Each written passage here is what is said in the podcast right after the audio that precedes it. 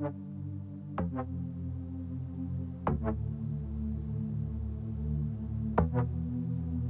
lytter til den anden radio. Den anden radio.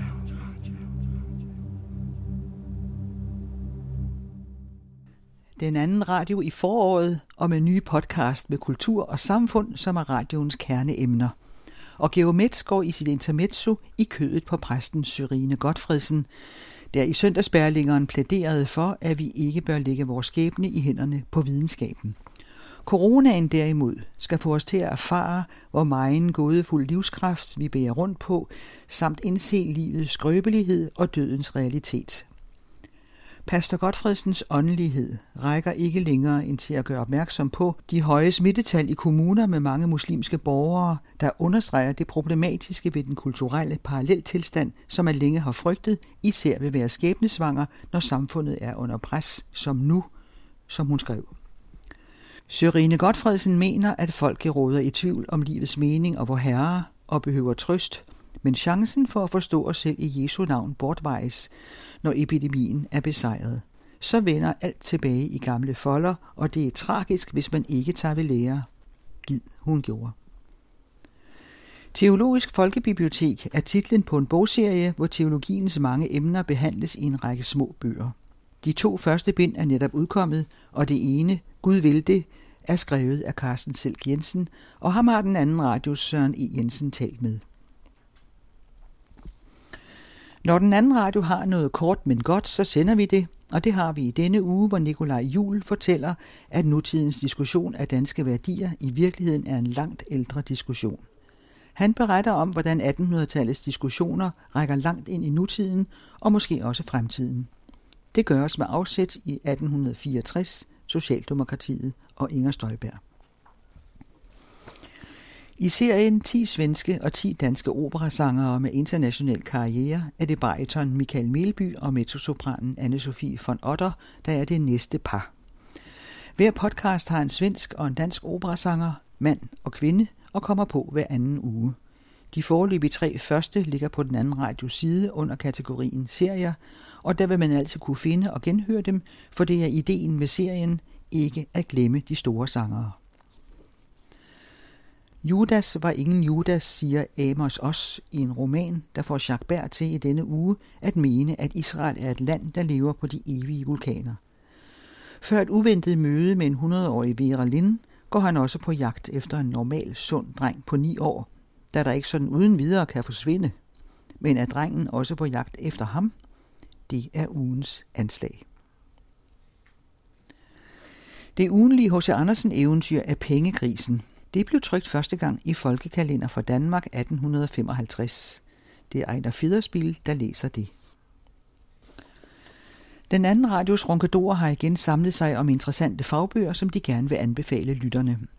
Egon Clausen, Jens Råhauke og Niels Iversen i fin form, blot manglede Geomets, han er med næste gang.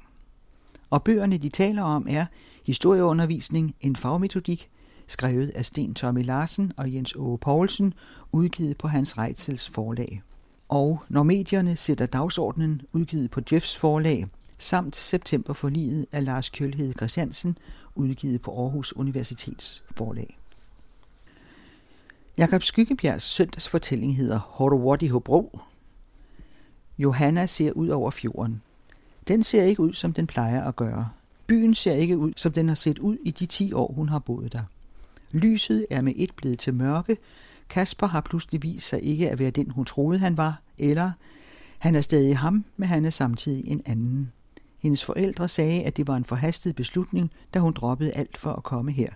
Men Johanna ved da, at hun ikke er sådan en, der drager forhastede beslutninger.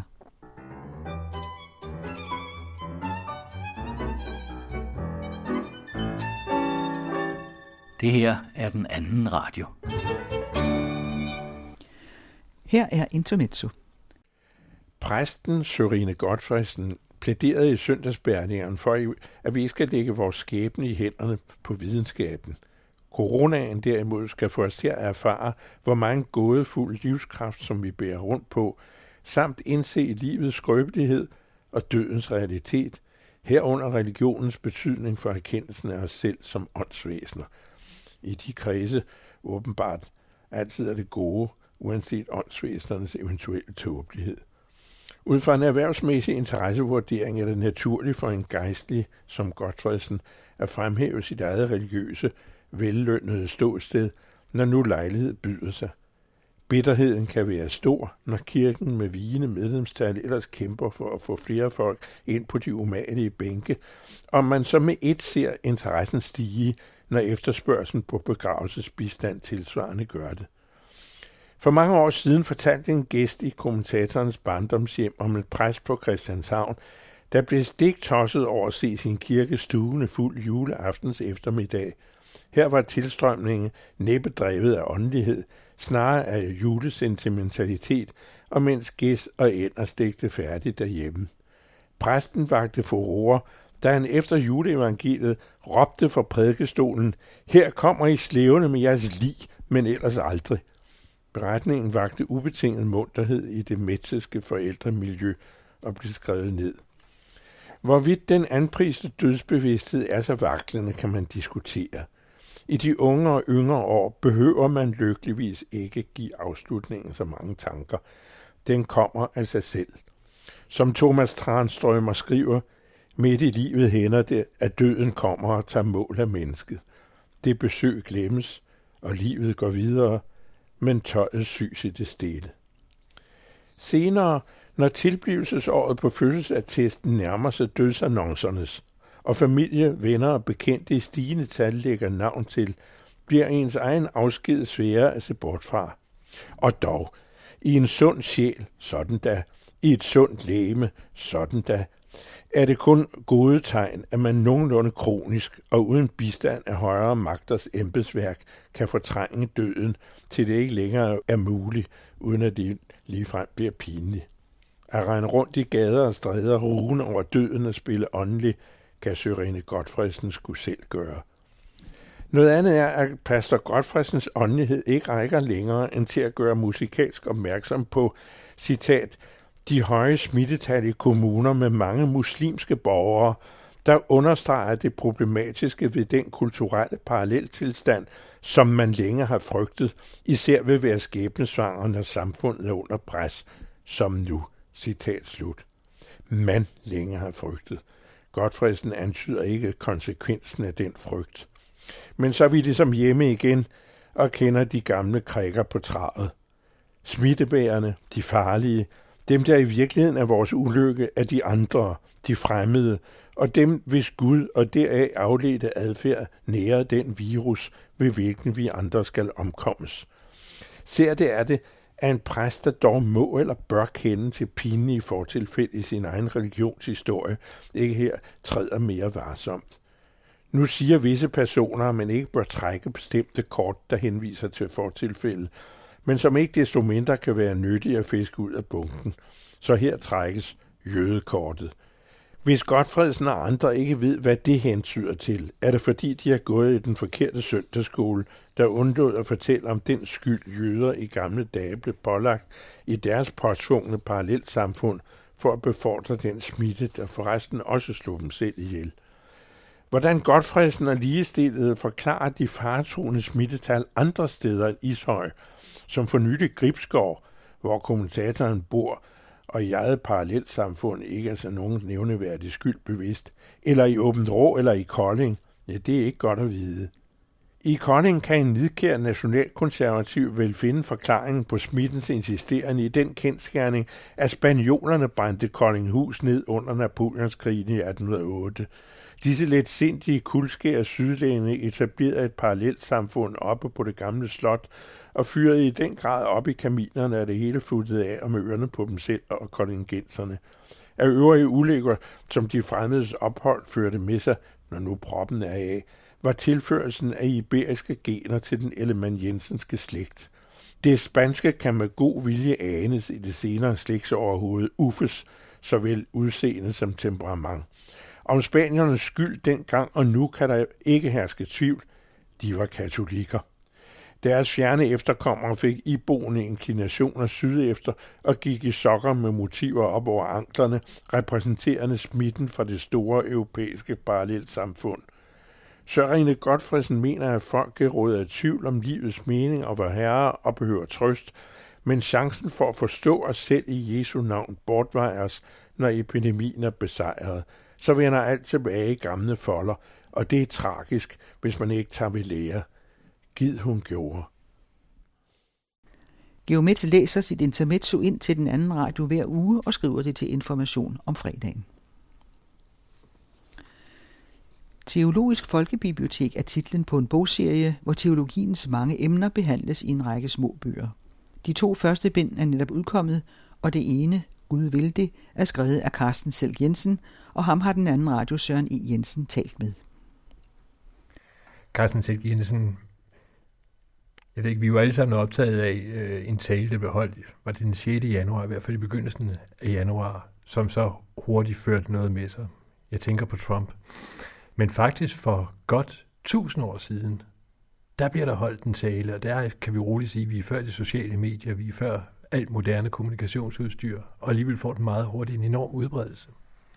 Ja, med kirkemødet i Clermont, den øh, må vi sige, den satte Europa på den anden ende. Og hvor er vi henne i tiden? Vi er i 1090'erne, 1095, står lige over for et nyt årtusind, og øh, det tror jeg også påvirkede stemningen dengang. Der var sådan spirituelt, kristligt, sådan en øh, nervøsitet eller en spænding i samfundet over, hvad man stod over for. Gik man ind i et nyt årtusind, eller var det måske dommedag og kristi genkomst? Øh, og så har vi altså den her helt fantastiske tale fra paven, en, en opfordring til alle kristne om at bevæbne sig. Og han hedder da Urban. Urban, Urban den anden, ja. En øh, sådan set øh, dreven kirkefyrste og øh, jo dermed også en dreven politiker, som formåede at få de her folkemasser til ikke at bare slutte op om kirken, men jo faktisk også begive sig ud på en vandring, som jo endte med at blive en af de helt store øh, begivenheder i, i verdenshistorien, det vi i dag kender som, som det første korstog. Ja, og korstog, altså det er jo ikke et begreb, det, det nævner du i din bog, som vi har talt om. Gud vil det. Altså selve ordet korstog dukker først op langt senere, selve ordet, ikke?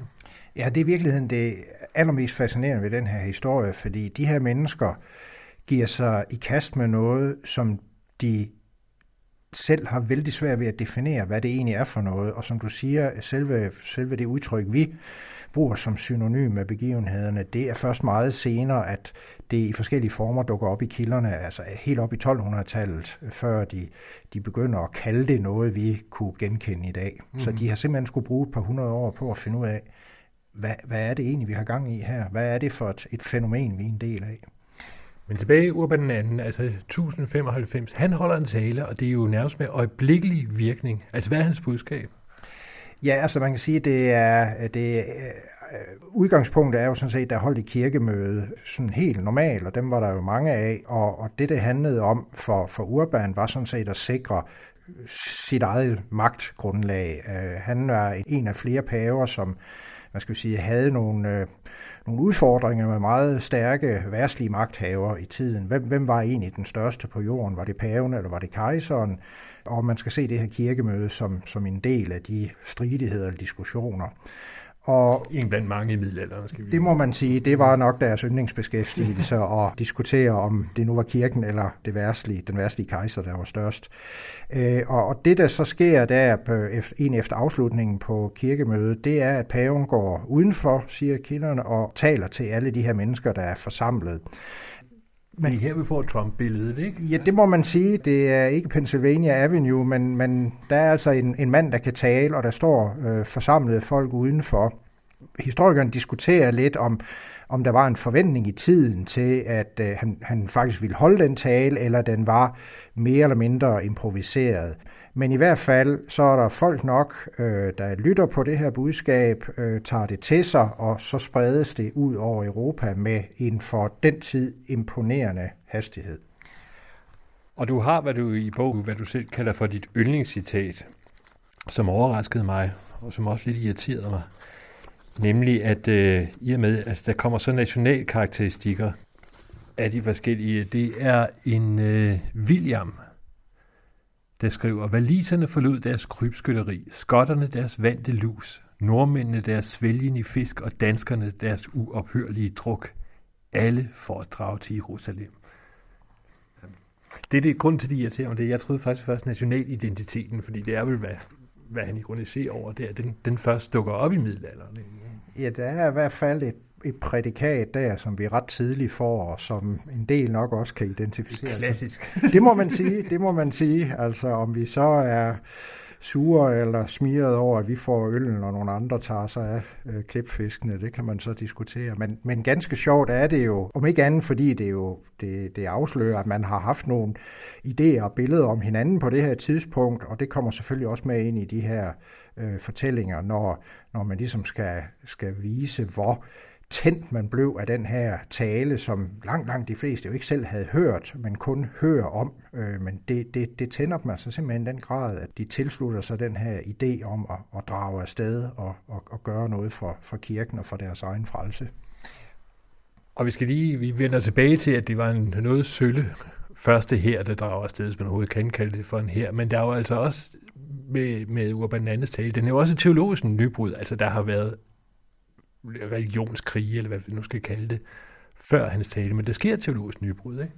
Det gør der. Øh, man kan sige øh, sådan lidt provokerende, at, at alle retfærdige krige i middelalderen, det er sådan set også, øh, hvad skal vi sige, religionskrige, i og med, at det er en krig kan kun være retfærdig, hvis den lever op til de kirkelige teologiske rammer for, for den retfærdige krig. Så på den måde har der også før været, været krige i Europa, som var... Men de var forbundet med skyld, ikke? De var forbundet med skyld. Der var altså, helt basalt, så var det jo sådan, at hvis en soldat drog i krig øh, for sin fyrste, så var det fuldt tilladeligt, men øh, dræbte vedkommende folk, og det skal den gode soldat jo gøre, så havde man pådraget sig helt bogstaveligt blodskyld og skulle gøre bod for det.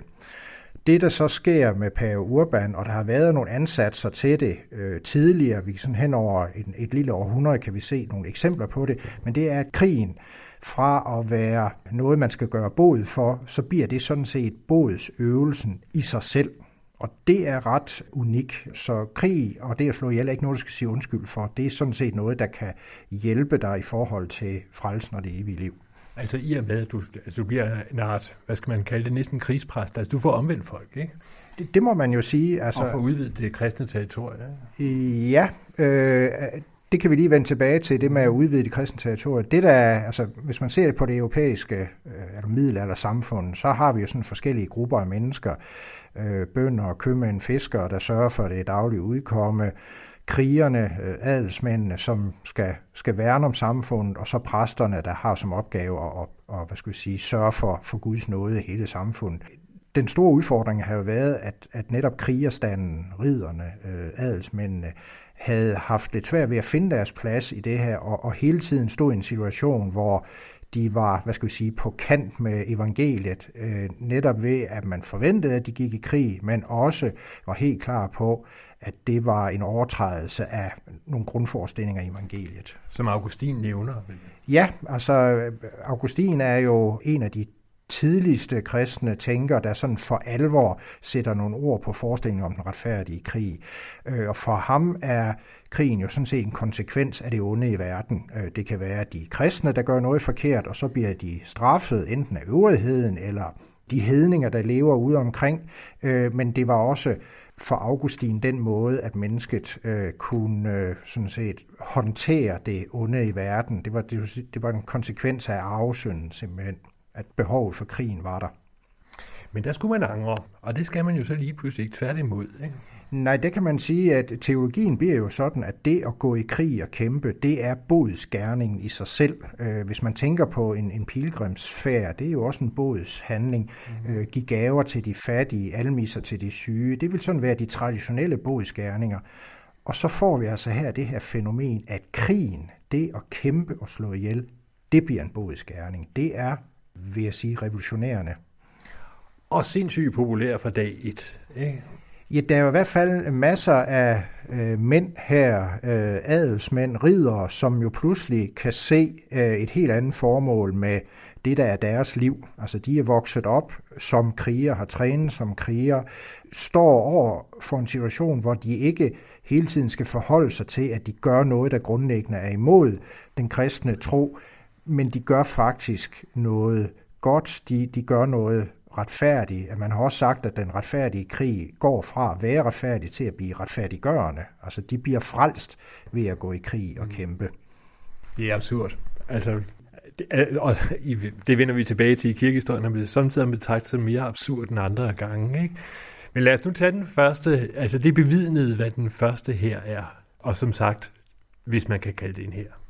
Ja, i virkeligheden så er det jo flere øh, mindre hære, der drager afsted øh, under, under ledelse af hver deres stormænd, eller en, en lille gruppe af stormænd, øh, og det hele er en lille smule uorganiseret, og på, på den måde spejler det meget godt, øh, hvad skal vi sige, hele den der usikkerhed, hvad, hvad det overhovedet er for et, et foretagende, som paven har sendt de her mennesker ud på. Vi har ikke helt noget, der der passer. Der har været pilgrimsrejser til det hellige land. Det er jo ikke første gang, de kristne tager til det hellige land. Tværtimod, så, øh, så er vi inde i en periode, hvor, hvor hvad skal jeg sige, rejseaktiviteten til de hellige steder, Jerusalem og sådan noget, den er næsten vokset eksplosiv.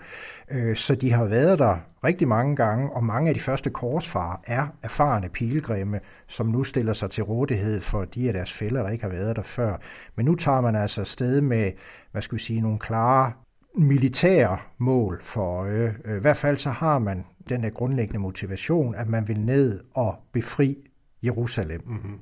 Det er sådan ligesom... Noget en ambition. Ja. Det må man sige, og det er jo ikke sådan, altså det er jo ikke noget, øh, hvad skal jeg sige, kristenheden har ikke mistet øh, Jerusalem sådan i mands minde, det går jo øh, århundreder tilbage, men der er sådan, hvad skal jeg sige, nogle teologiske åndelige tendenser i, i samfundet på det her tidspunkt, der understøtter øh, en forestilling om, at øh, det er ikke nok at vide, at Kristus levede og døde i Jerusalem. Det er sådan set også helt vigtigt, at man kan komme ned og blive en del af det. Gå de steder, hvor Kristus øh, gik. Øh, mm. opleve det, han oplevede. Se, øh, hvor han blev korsfæstet. Se, hvor han opstod. Øh. Det er det hele taget en, en tanke, der gør sig gældende. Altså Kristi imitatio, ikke? Altså man skal... Øh efterabe, så at sige, altså.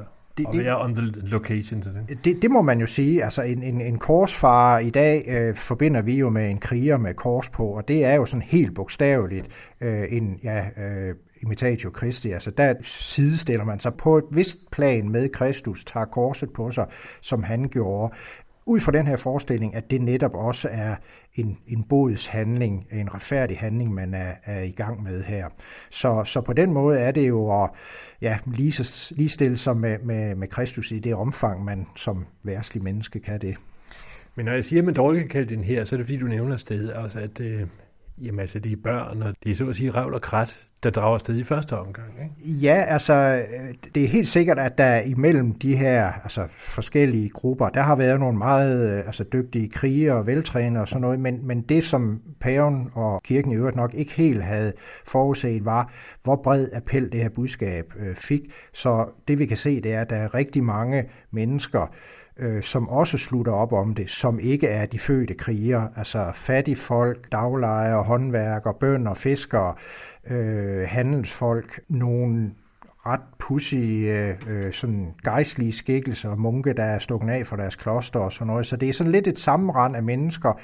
Og det, der er jo typisk, det er jo mindre organiseret man er, des hurtigere kan man også rykke afsted. Så det vi ser, det er sådan set nogle bølger af mennesker, der drager afsted, og de første, der kommer afsted, er nok en af dem, som har gjort sig de færreste tanker om, hvad det er, de har gang i her. Mm. Så de ridder, der måske havde en klar forestilling om, at hvis de skulle nå til Jerusalem og indtage den by, så skulle der forsyninger med våben og alt sådan noget, de kommer en lille smule bagefter. Men ikke meget, fordi der går jo ikke, altså det var 1095, Urban holder sin tale, og Jerusalem bliver jo faktisk erobret. Det gør den så i 1099. Fire år efter, ikke? Ja, og der er jo lidt tid efter paven holder sin tale, så de første hære drager afsted. Øh, og det, der sådan er interessant, det er, at de rammer Konstantinopel øh, sådan af flere omgange i, i flere tempi, og øh, jeg tror, altså fra byzantinernes side, kejseren i, i Konstantinopel, så var der jo virkelig et, et håb om, at øh, de her krigsfolk fra Vesten ville komme dem til hjælp. Øh, Byzantinerne havde i rigtig mange år hyret legesoldater fra Vesten for at komme ned og hjælpe med at beskytte grænserne. Øh, man kan sige Mellemøsten. Det var tyrken, der troede det. Det var det jo nemlig, og det er sådan set øh, virkeligheden er helt afgørende. Man forstår det her, at, at Mellemøsten på det her tidspunkt er en voldsomt turbulent region. Øh, et par generationer tidligere, øh, i 1040-50 stykker, der er regionen simpelthen blevet oversvømmet af nogle tyrkiske øh, steppefolk, som er nogle eminente krigsfolk, øh, og som angriber ind i regionen, og i løbet af et par generationer sidder på store dele af det, vi opfatter som Mellemøsten og det hellige land. Øh, og de presser hårdt på de byzantinske grænser, og de fører nogle meget voldsomme krige mod de folkeslag, der i øvrigt er i området. Altså Bagdad, som jo er, muslimsk, falder til tyrkerne. Øh, de når helt frem og erobrer Jerusalem også, og, og trænger det muslimske dynasti, som hersker i Ægypten tilbage. Så det er, øh, hvad skal vi sige, det er en region, som er i den grad krigsplaget, og, og nogle forskere vil i dag sige, at det har intet med en religionskrig at gøre. I virkeligheden så er det nomadefolk, der angriber fastboende, og det er sådan en klassisk fortælling i verdenshistorien. Og det er så at sige det spil, som korsfarerne, øh, den scene korsfarerne træder ind på, de er, de er lige så fremmede fugle i regionen, som de her tyrkere er, men begge bliver øh, vigtige aktører i, i de næste 100 års kampe. Da Jerusalem så bliver erobret i 1099, altså du antyder, altså det, det skal hedder sig vel i de sådan helteagtige kilder, man har, at det, det gik over stok og sten, og og et eller andet, men du er lidt mere i tvivl, ikke? Ja, altså man kan sige, at krønningerne, de er sådan set ikke i tvivl om, øh, dels hvor, øh, altså helt utrolig en begivenhed det er, at Jerusalem rent faktisk falder efter alle de strabasser, korsfaren har været igennem, og der er jo utallige fortællinger om korsfarer, der deserterer undervejs, og ja, helt bogstaveligt stikker halen mellem benene og, og smutter hjem til deres øh, øh, godser i Europa. Men nogen når altså frem, og efter en, en belejring formår de at indtage byen. Og det, der er interessant, når man læser kilderne, det er, at de øh, uden overhovedet at skamme sig, beskriver et ekstremt blodbad mm-hmm. på alle de mennesker, der er i Jerusalem. Mm. Øh, og det går sådan set ud Men det er jo igen budsandling, der spiller ind. Ikke? Det er jo nemlig det, det er. Altså, det er øh, altså en for en middelalderforfatter det helt naturlige, og det ville i virkeligheden være mere pinligt for sådan en krønikeskriver, hvis korsfarerne, øh, om jeg så må sige, i al fredsommelighed havde indtaget Jerusalem og så lavet en aftale med de lokale. Fordi det handler jo netop om at rense øh, det hellige, rense kirken, rense helligstederne for, for alt det, der, der ikke er kristen. Og derfor har vi altså de her voldsomme beretninger om, om nogle enorme blodbad. Der er jo andre historikere, som så har prøvet at gå bag om kilderne og sige, var det sådan et uhyre massakre på folk i Jerusalem? Og meget tyder på, øh, at det var det nok ikke. Hvordan går man så, nu kommer så, hvordan går man bag om kilderne? Altså vi er jo tusind år tilbage i historien, og for det første er der ikke særlig mange kilder, og for det andet så er de jo i hovedsag skrevet for sejr her og så videre. Ikke? Altså, den lille mands historie findes for eksempel dårlig nok. Ikke? At den, øh, han fylder ikke ret meget i de her krønninger, og det, det er klart, når man læser øh, øh primært korsfarernes, men jo også en række muslimske krønninger, øh, så, så er det sådan set, de er meget enige om den her fælles historie med, med de her massakre, men når jeg siger gå bag om, om kilderne og bag om historien, så handler det jo også om, at, at nogle historikere har fundet frem til andre kildegrupper, som for eksempel helt banalt skriver om regionens mange slavemarkeder. Mm. Øh, og der er nogle ting, der peger på, at, at de der slavemarkeder, de boomede i tiden efter Jerusalems øh, erobring. Så noget tyder på, at, at der nok ikke er blevet slået helt så mange ihjel, som krønikerne gerne vil skrive. Øh, til gengæld er de så blevet solgt som slaver. Ikke at det er særlig meget mere beundringsværdig eller godt mod de mennesker, men, men pointen er sådan set, at, at de her krønikeskriver, de har ikke skammet sig over at beskrive sådan en, et, et, en massakre, fordi det var, som du siger, en, det var jo en bodshandling. Men Jerusalem bliver erobret, men korstogen og korstogstanken ophører jo mildest talt ikke. Nej, man kan sige, at det er i virkeligheden først der, den bliver født. Meget tyder også på, at det kommer lidt bag på nogle af de her korsvar, den succes, de har. Øh, og noget af det, man diskuterer rigtig meget blandt de første, det er, øh, altså, hvordan forholder man sig til de erobrede områder fra Antiochia ned til Jerusalem? Hvordan skal man som kristen her, som Guds her, hvordan skal man reagere og kontrollere sådan et område? Øh, nogle af adelsmændene har nogle diskussioner om, kan man for eksempel udnævne en kristen konge Jerusalem kan en, en værslig person kan anbære kongekronen der, hvor Kristus har båret tårnekrone. Så det er jo meget fint og meget sådan fromt, øh, og den første øh, nægter simpelthen at, at være konge, men, men øh, lader sig udpege til den hellige gravs vogter. Øh, men det han dør forholdsvis øh, kort tid efter, øh, og så øh, får vi den første konge af Jerusalem, og det bliver ligesom traditionen i området, at, at der faktisk er en kristen konge i Jerusalem. Men øh, tilbage i Europa, altså, så bliver der jo lige pludselig også lokale korstog. Du nævner da et sted, at, øh, at det nærmest sådan, eller det er alligevel sådan en charterrejse tanker, altså man kan tage sådan en, et, jeg lige en weekendkorstog. Ja, øh, har du kun en weekend, så skulle du nok tage til Estland i stedet for det hellige land. Men, men det sjove er jo, at, øh, at der vokser sådan en helt... Øh, ja, en industri op, eller det bliver sat på skinner, eller hvad man nu siger. Altså det der med at som pilgrim eller korsfarer, det bliver meget formaliseret. Vi har øh, masser af lister, der fortæller om priser, kahytpriser øh, og kunne du nøjes med at sidde på dækket, øh, når du sejler fra Italien til det hellige land, jamen så koster det selvfølgelig mindre, end hvis du vil have en kahyt. Øh, og samtidig kan vi se, at de folk, de betaler for at blive guidet fra øh, havnebyerne op til Jerusalem. Så på den måde er der sådan en... Øh, Altså, det er vældig øh, øh, systematisk og iscenesat hele den her, øh, hvad skal jeg sige, religiøse industri, og samtidig så har man så de militære togter, altså hver eneste år kommer der nye krigere til det hellige land, som hjælper en periode med at forsvare grænserne, eventuelt Europa nyt land, øh, og så vender de hjem igen. Samtidig med, at der altså er vesterlændinge, øh, som jo har slået sig ned i det hellige land og bliver, hvad skal vi sige, en, en ny øh, fastboende gruppe af mennesker i det hellige land. Men lad os blive her i Europa fordi nu, du nævner Estland, altså det er jo der Danmark for alvor. Altså det er jo også en del af den officielle Danmarks historie. Ikke? Der går det jo også pænt voldsomt for sig. Ikke? Det må man sige, øh, og det interessante er jo ganske få år efter, at historien om Jerusalems erobring når til Europa, så kan vi se, at det påvirker nogle af de andre grænseområder, hvor de kristne riger også slår over for, for hedenske øh, folk, og herunder øh, hele Østersøområdet, danske øh, konger har jo i flere generationer kæmpet hårdt mod øh, hedenske vinter øh, langs de sydlige kyster, og vender efterhånden også opmærksomheden længere ind i Østsøen mod Estland, øh, og det vi i dag kender som Letland, dengang kaldte man det Livland, og det bliver det foretrukne mål for danske korsfarer at tage dertil. Øh, men sådan set langt hen ad vejen inden for de samme øh, bodsmæssige rammer. Man taler også her om aflad.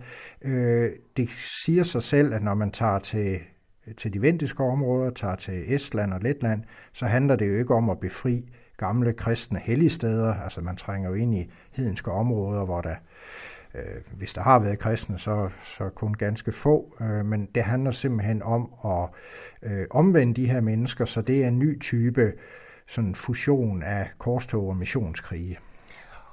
Og det får endda støtte af selveste Bernard af Clairvaux, jeg lige vil sige, den pæne mand. Ja. Omvendelse eller død. Ja, altså det, jamen han er jo en af tidens øh, øh, lærte øh, folk, øh, og har sagt nogle ting, som øh, falde nogen for brystet i dag, netop at, at de her hedenske folk, altså enten må de lade sig omvende, eller også så må de lide døden. Mm. Og det, øh, øh, hvis, hvis man skal sige noget til det, så kan man i hvert fald sige, at det er ikke god kristen teologi, heller ikke øh, oldkirkens teologi, og Augustin, som jo netop sagde, at et kristen menneske kan ikke tvinges til at blive kristen. Altså det må, det må ske frivilligt. Men det, der er det finurlige, det er, at øh, der udvikler sig også den teologi, at du øh, godt nok ikke kan tvinge et menneske til at blive kristen, men du øh, kan på fuld legal og forsvarlig måde besejre hans herre, ødelægge hans samfund, og så tilbyde ham kristendommen derefter, og i øvrigt også sende øh, herre med til at beskytte de missionærer, der, der jo følger korsfarerne. Så man kan sige, same same but different. Man bliver ikke tvunget til at lade sig omvende, men det gør man jo så et eller andet sted alligevel. Jo, du har en øh, passage med, hvordan fjenderne de er, altså hvor, hvor barbariske og voldsomme de er. Du nævner desværre ikke, hvor voldsomme øh, korsriderne kan have været. Jeg, jeg har taget et sted en artikel med et vidne, så er vi altså helt fremme i 1513. En artikel, eller hvad det nu er, spanske grusomheder i Vestindien, hvor der egentlig en, der Las Casas, han er vidne til, og han skriver, nu gav spanierne med deres heste spyd og lanser til at begå mor og alskens grusomheder. De trængte ind i byer og landsbyer og skånede hverken børn eller gamle, hverken kvinder eller børn, eller de frugtsommelige, men skar deres maver op og huggede dem i småstykker, som de slagtede lam, der var spærret inde i en fold. Og det er endda, det fortsætter. Du nævner det ikke, men man fornemmer, at det her det har været blodet, ikke? Altså, bod og krig, det, det er en grim karakter. Det, der er slet ingen tvivl om, at det har været voldsomt, og det har været blodigt. Øh, den tekst, du øh, læste op her, er, er jo virkelig interessant, øh, og, og vi er lige på kanten til et nyt århundrede, øh, slutningen på middelalderen, og vi har de her vældig, vældig interessante øh, egentlig teologiske diskussioner blandt øh, spanske kirkefolk om man nu også opførte sig på den rigtige måde med de her, man sendte øh, over øh, havet til, til de nyopdagede øh, områder, altså det vi i dag kender som Amerika. Men Las Casas, altså ham, der har skrevet det, han er selv dominikansk missionær. Det er altså ikke en det er ikke en af de stakkels vestinter. Nej, altså han er jo netop kendt for at, at tale de undertryktes øh, sag og tale op imod de blodige ting, han oplevede. Og som du siger, det er faktisk en af de måske øh, mindre voldsomme passager, du har, har læst op, hvis man dykker ned i, i hans øh, tekster. Vi har ikke noget, der helt matcher det fra det baltiske område, og så alligevel, øh, fordi det vi jo læser den ene gang efter den anden, det er, at når korsfarerne kom til et sted, en landsby, en gård, øh, så blev stedet øh, overfaldet, det blev brændt ned, og fuldstændig konsekvent, så slog man alle mændene ihjel, og tog kvinder og børn som slaver og tog dem med tilbage. Øh, så i virkeligheden jo en meget, meget brutal måde at føre krig på, øh, men også en, en måde at føre krig på, som var meget tidstypisk. Og man kan sige, det der i virkeligheden sker, både i Baltikum og på de andre korstogsfronter, det er, at, at de her krigszoner bliver sådan på en eller anden måde, de, man tager lidt farve af hinanden, altså korsfarerne lærer alle de øh, beskidte tricks af deres modstandere og vice versa, og det bliver den her øh, ekstreme, brutale form for krig, de kommer til at føre. Den tekst, vi lige havde her, den er så fra 1500-tallet, og du nævner i slutningen af bog, at ja, altså, hvornår kan man sige, det, ja, nu, nu kunne jeg jo stille et ondt spørgsmål. Hvornår har det sidste korstog fundet sted? Ja, der er jo nogen, der mener, at det venter vi stadigvæk på. Yeah. Det er jo det interessante med, øh, med korstogene som historiske begivenheder. Øh, de kan øh, tidsfæstet på nogle bestemte øh, tidspunkter i historien, øh, hovedparten i middelalderen og også tidlig moderne tid, men det er jo også et fænomen, som bliver ved med at poppe op igen, og i dag i særlige politiske diskurser jo bliver i tale sat som, som noget atroværdigt og som noget, øh, som egentlig vi skal, vi skal sætte gang i igen. Ja, det er det, jeg sad og tænkte i toget herind. Altså, det har i øjeblikket, vi er i en periode af historien, hvor det har en øh, dobbelt betydning. Altså, korstog har haft negativ klang. Det er jeg altså opvokset med, ikke? Men det er jo rigtigt, sådan er det ikke helt. Du nævner bus, for eksempel. Ja, altså man kan sige, og det har også noget sådan, det er nogle rent sproglige ting. På engelsk kan du godt øh, bruge udtrykket crusade, og så egentlig ikke lægge nogen direkte referencer til, til korstogen som historisk fænomen, men det er mere for at sige, at det her, altså det er en dedikeret kamp for et eller andet. Øh, nogen kan måske huske øh, Eisenhowers Crusade in Europe, sådan hans erindring om 2. verdenskrig.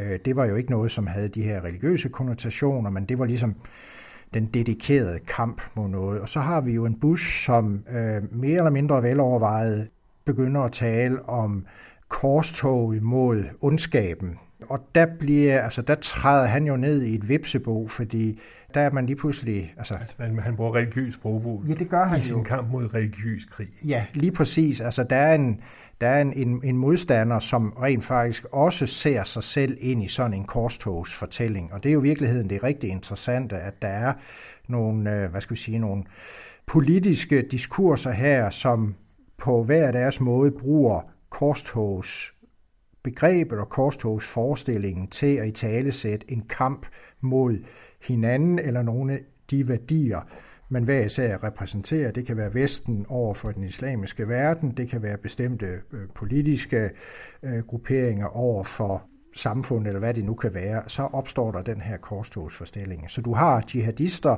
islamister, som taler om de fortsatte korstog, og hvordan Vesten øh, i øh, tusindvis af år har, har forsøgt at knuse islam, øh, og de taler om paven som korsfarernes leder, altså den nu, nu, nu, de nuværende paver, de taler om Israel som en korsfarstat. Og så har man altså aktører i Vesten, som bruger samme retorik og taler om behovet for at føre hellig krig mod islam, øh, bruger korstogsbegreber og korstogssymboler. Og det er der jo sådan set ikke mange historiske begivenheder, der på, på så slagkraftig en måde genopstår igen og igen. Lad os runde af her. Jeg har faktisk taget et kirkeblad med, altså et, et helt aktuelt kirkeblad, hvor der er en artikel. Jeg vil holde forfatteren anonym. Men der står der, da islam i 1400-tallet bredte sig op i Europa og var tæt ved Europa Wien, sagde kloge europæiske åndsmænd, det er ikke muhammedanerne, som blev de kaldt dengang, der er problemet. Det er også sløve kristne, der ikke kæmper nok for kristendommen. Altså, det vil man ikke skrive i et kirkeblad i 70'erne. Man ville heller ikke have gjort det i 80'erne, man ville ikke have gjort det for, for 20 år siden.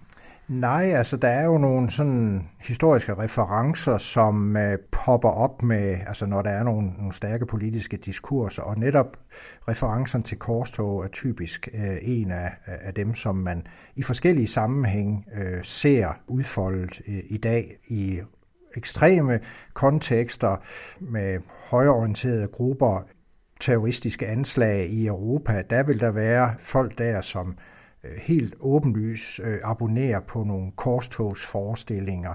Øh, men man har altså også på den anden side islamistiske terrorister, som så at sige har den samme fortælling om, at det her det er deres retfærdige modangreb mod nogle korstog, der, der fortsætter. Så det gør det hele vældig betændt, men fra et historisk perspektiv jo også meget, meget interessant. Og ikke nyt. Altså, du nævner i slutningen af bogen, det, altså korstogene har simpelthen fra dag 1 været omdiskuteret. Ikke? Det er ikke sådan lige pludselig, at hele kristenheden tænker, det her det er simpelthen en sindssygt god idé.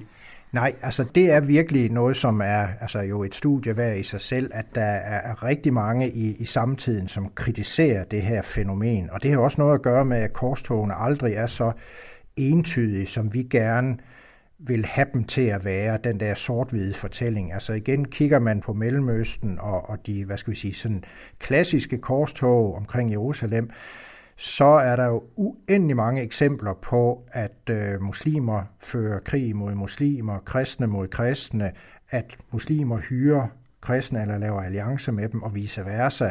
Øh, de egyptiske fatimider havde måske virkelig flere kristne i deres hære, end de havde muslimer. Øh, og alle de ting gør jo det er jo historisk interessant, men, men bliver ofte ignoreret, når man skal bruge korstogene som de her sort-hvide fortællinger. Altså der har man ikke, man kan ikke rigtig håndtere øh, sådan et, et mudret billede. Man vil gerne have den der rene konflikthistorie mellem dem og os. Det fortalte Carsten Selk Jensen, som har skrevet Gud vil det. Bogen er første bind i serien Teologisk Folkebibliotek, som er lavet i et samarbejde mellem det teologiske fakultet og forlaget Vandkunsten, og på den anden radio følger vi serien tæt. Næste gang taler Søren E. Jensen med Mogens Møller om Septuaginta, altså den græske oversættelse af det gamle testamente, og jeg skulle hilse at sige, at det er mere spændende, end det umiddelbart lyder. I kort men godt vil Nikolaj Jul fortælle, at nutidens diskussion af danske værdier i virkeligheden er en langt ældre diskussion. Han fortæller her om, hvordan 1800-tallets diskussioner rækker langt ind i nutiden, måske også fremtiden. Det gøres med afsæt i 1864, Socialdemokratiet og Inger Støjberg. Hvad der udad er tabt, skal indad vindes. Eller som citat lyder i sin fulde længde. For hvert et tab igen erstatning findes, hvad der udad tabes, må indad vindes. Citater stammer fra den danske digter Hans Peter Holst og vandt sin udbredelse efter 1864, hvor Danmark efter nederlag i den anden slesvigske krig måtte afstå hertugdømmerne Lauenborg, Slesvig og Holsten. 1864 var ikke blot et nederlag på slagmarken. Den danske guldalder, der havde braget gennem verden som et intellektuelt godstog, løb som resten af nationen tør for damp. Denne periode havde givet os store navne inden for kunst, litteratur og forskning, og her kan nævnes navne som Adam Øenslager, NFS Grundtvig, B.S. Ingemann, H.C. Ørsted, Søren Kierkegaard og H.C. Andersen. Danmark var i fremgang inden for kunst, litteratur og forskning, men det skæbnesvangre år 1864 gjorde, at det intellektuelle arbejde fik et andet udtryk. Det er blandt andet tydeligt markeret inden for kunsten, hvor diverse malere ikke udpenslede hele sandheden. Eksempelvis malede kunstneren Niels Simonsen i 1864 maleriet Danske infanterister trækker en kanon ved tilbagetoget fra Dannevirkestillingen i 1864. Billedet viser alt andet end nederlagsstemning. Der er intet blod, ingen ødelagte uniformer eller andre tegn på et tilbagetog fra Flensborg. Det kan derfor ses som en grov fordrejning af virkeligheden, som en art af propaganda, eller rettere stiltigende propaganda, som lektor og forskningsleder ved kunsthistorie på Aarhus Universitet, Karina Lykke Gran, har kaldt det. Billedet endte da også med at hænge på mange vægge i det danske hjem efter 1864, og dette var den præcise hensigt. I politisk og nationalistisk henseende skulle billedet symbolisere, at danskerne altid holdt fanen højt og kæmpede til det sidste, uanset hvor underlegne vi var i forhold til fjenden. Og derfor også, at vi altid var klar til at forsvare vores land mod de ydre magter. Dette var led i, at danskerne skulle begynde at tænke, hvad er det, der er særligt ved Danmark? Hvad er det, vi kan fremhæve, som skaber den særligt danske identitet? Og hvad vil vi i fremtiden have, at vores kulturelle identitet og fællesskab skal bygges på? Eller sagt på en anden måde, hvilke stumper kan vi samle op fra vores ødelagte selvforståelse og gengøre Danmark til en stor nation eller blot en nation, der er tålig at leve i? Vi får dermed et begreb om nationalisme og et fokus på nationens funktion som et stort og samlende homogen fællesskab, som vi for alt i verden må beskytte, og derfor også vise folket, hvad det er, der gør dem særegne. Hvad er det, Danmark har, som andre lande og kulturer ikke har? I dag er disse diskussioner alle steds nærværende. Især i de seneste 15-20 år er der nærmest ikke gået en dag, uden at vi har set, hørt og læst diskussioner om, hvad der er særligt kendetegnende ved Danmark, og særligt hvorfor muslimer ikke hører til i Danmark. Disse diskussioner har affødt et nyt begreb, nemlig danskhed. Dette begreb bærer en iboende dynamik, så det både kan betyde, hvad det vil sige at være dansk, men også hvad der skal til for at blive dansk. Dynamikken medfører også, at begrebet bliver abstrakt. Det kan for så vidt have lige så mange betydninger, som der er borgere i Danmark. Men det ender for det meste i, at man skal føle sig dansk eller tilslutte sig den danske kultur. Altså en yderligere abstrakthed i form af kulturbegrebet. Men gennemgribende for danskhed er, at det politisk bliver brugt til at fortælle borgerne, at der er noget, vi skal beskytte. Og beskytte, fordi vi er far fare for at tabe det, hvis vi ikke allerede har tabt det. Især Dansk Folkeparti har fungeret som instrument til at gøre diskussionen til en del af alle danskers bevidsthed. Dette har også været med til at bane vejen for nye højrefløjspartier, som eksempelvis Nye Borgerlige. Men de seneste år har det også snedet sig ind i andre partier, og længere ind mod midten i dansk politik. Et af eksemplerne er Socialdemokratiet, hvor de i forbindelse med Folketingsvalget i 2015 lancerede kampagnen Det Danmark, du kender. Og senest i forbindelse med Folketingsvalget i 2019 under sloganet Lad os samle Danmark igen. Så var vi fremmedgjorte over for vores eget land, og igen skulle samle stumperne op fra nederlaget. Også i det gamle bundeparti Venstre kan vi se denne tendens. Senest aktualiseret med den tidligere integrationsminister Inger Støjberg, der ved udgangen af 2020 meldte sig ud af partiet. Inger Støjberg har om nogen været med til at puste ild i debatten om danskhed med kage, håndtryk og barnebrud, hvor sidst nævnte medførte, at hendes eget parti Venstre stemte for en rigsretssag, da hun kort og godt vægtede sin egen moral over loven. Hendes egen forklaring var, at hun repræsenterede og kæmpede for de danske værdier. Den 15. februar 2021 kunne man så læse, at Inger Støjberg nu har startet sit eget firma, der går under navnet Inger Støjberg til kamp for de danske værdier. En formulering, man også kunne spore i forbindelse med førnævnte rigsretssag, hvor Nye Borgerlige startede en støttekampagne for Inger Støjberg under netop dette slogan. Det udmundede sig i avisannoncer, Facebook-videoer og et fly, der fløj rundt med et 100 kvadratmeter stort banner med teksten Kampen for de danske værdier. Vi får dermed reintroduceret kampen og krigen som overordnet løftestang, når diskussionsemnet falder på Danmark. Vi er i krig, og vi kæmper for danskheden. Også Millennium og hipstergenerationen har fået deres egen bevægelse, som sværger til danskhed og danske værdier. De går under navnet Generation Identitær, oprettet i 2017, og de er kort og godt en udenomsparlamentarisk ungdomsorganisation, der har et etnokulturelt verdenssyn. Forstået på den måde, at et menneskes etnicitet hænger uløseligt sammen med deres kulturelle ophav, og dette menneske kan ikke teste eller føle sig til at blive dansk. Eksempelvis kan man på deres hjemmeside læse artiklen Danskhed er ikke en politisk holdning, hvor der står skrevet. At være dansk er et rodfæstet vilkår, en såkaldt væren. Noget man enten er eller ikke er. Alt efter om man er indtrådt i danskernes folkelige kontinuitet, og ikke en præstation eller en opførsel.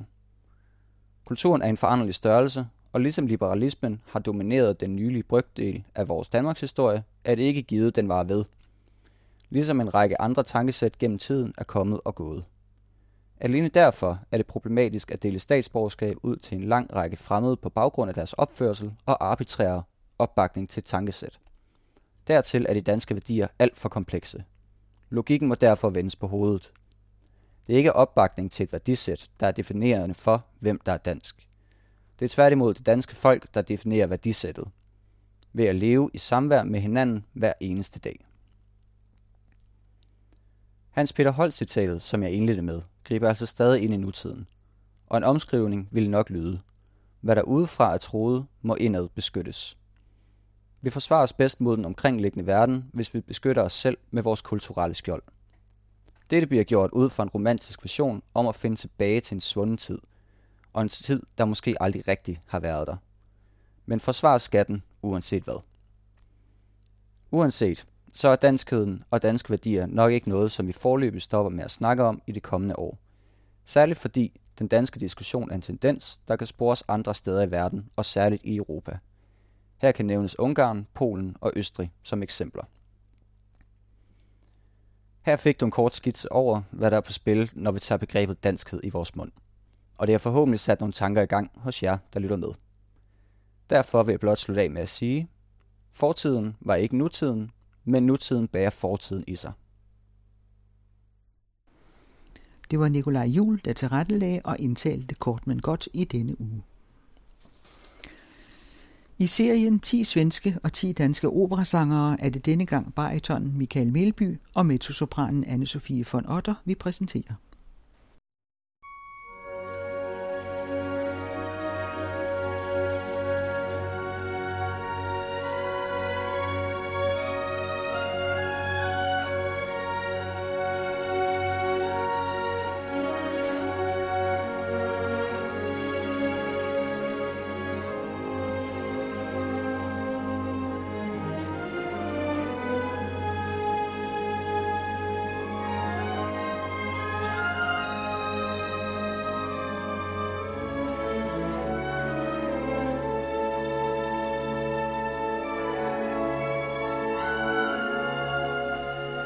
Er utroligt, så hurtigt folk glemmer. 10 år eller 20 år efter en karriere er slut, er der en ny generation, der ikke har kendt eller oplevet de store sangere. Jeg vil gerne portrættere nogle af de sangere i Sverige og Danmark, der har eller har haft en stor international karriere. Se, hvor de stammer fra og hvordan det hele begyndte.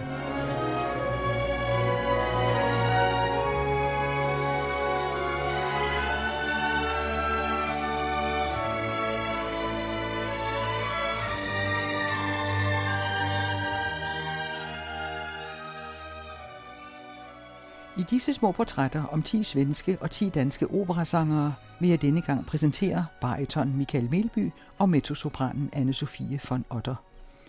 De er nøjagtigt lige gamle og har begge haft størstedelen af deres sangkarriere i udlandet. Anne-Sophie von Otter er vokset op flere steder i Europa i forbindelse med hendes fars diplomatkarriere og har fået sangundervisning i Stockholm og i London – og det første store skub fik hun, da hun vandt den europæiske radiounions sang- og musikerungdomskonkurrence, som fandt sted i København, og som gav adgang til koncerter og engagementer. Michael Melby blev som 19-årig optaget på Musikkonservatoriet, men blev allerede året efter hentet over til det kongelige teater, hvor han debuterede i Mozarts Così fan tutte. Der stod en sand Mozart-bariton. Anne-Sophie von Otter har også sunget i Così fan tutte, nemlig partiet som Dorabella. Men vi skal høre hende i en af de genrer, hun har brugt mest tid på ved siden af operaen, nemlig liderne. Blandt hendes mange CD'er med sange er der flere med ukendte kvindelige komponister, som hun gerne vil vise, hvor gode de er, og ikke altid de mandlige komponister. Og det er tre sange af den franske Cécile Chaminat, som hun synger med sin faste pianist Bengt Forsberg. Te souviens-tu de ta promesse? og Viens mon ami, samt Menuet, som også er med violin.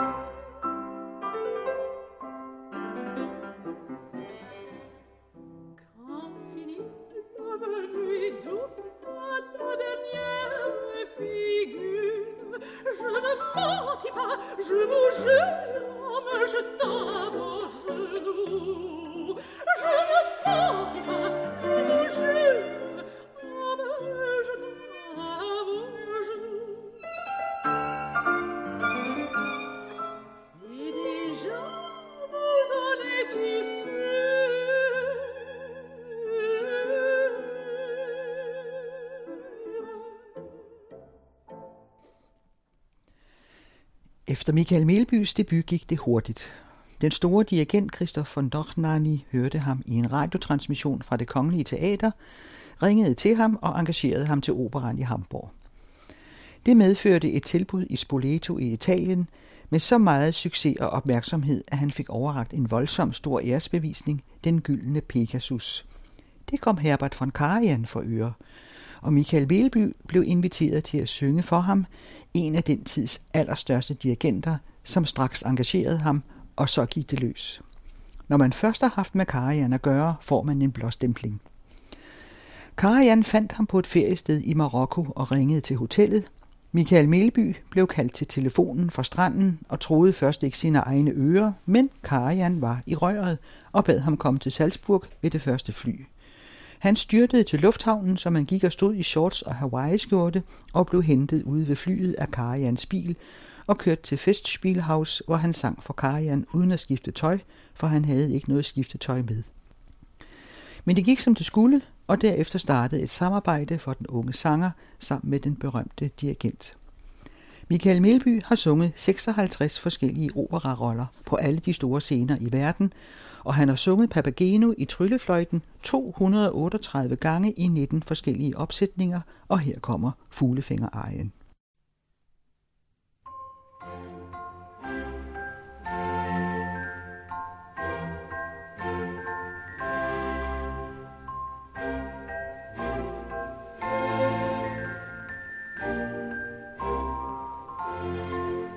Ein Mädchen oder Wagen Papperino sich, o so ein sanftes Träuchen der Seligkeit für mich, der Seligkeit für mich, der Seligkeit für mich.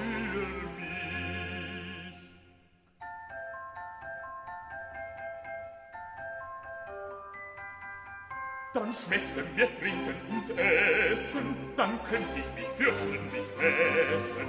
Des Lebens als Weißer nicht freuen und wie im Elysium sein. Dann könnt ich mit fürsten mich messen. Des Lebens als Weißer nicht freuen und wie im Elysium sein. Im Elysium sein im Elysium sein.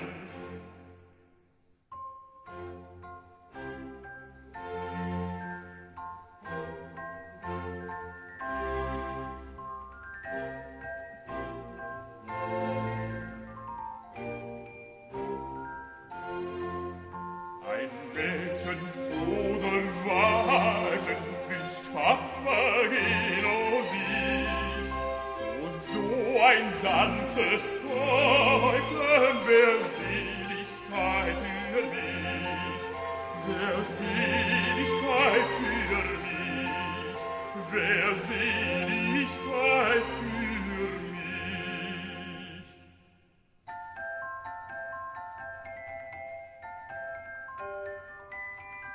Ach, kann ich denn keiner von allen den reizenden Mädchen gefallen? Helf einer hier nur aus der Not, sonst gräm ich mich wahrlich zu Tod.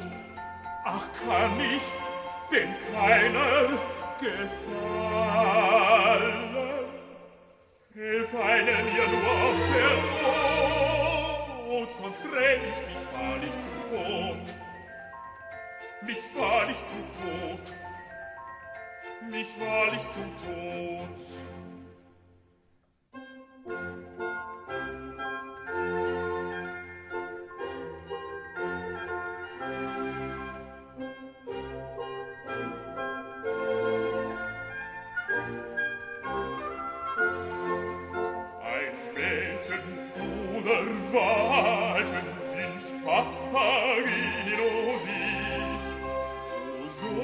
ein sanftes Freuden der Seligkeit für mich, für Seligkeit für mich, für Seligkeit für mich.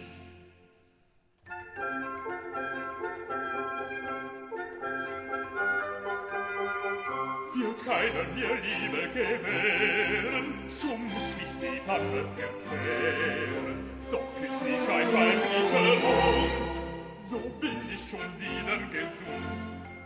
Doch küss mich ein weiblicher Mond. Doch küss mich ein weiblicher Mond, so bin ich schon wieder gesund. Schon wieder gesund. Schon wieder gesund.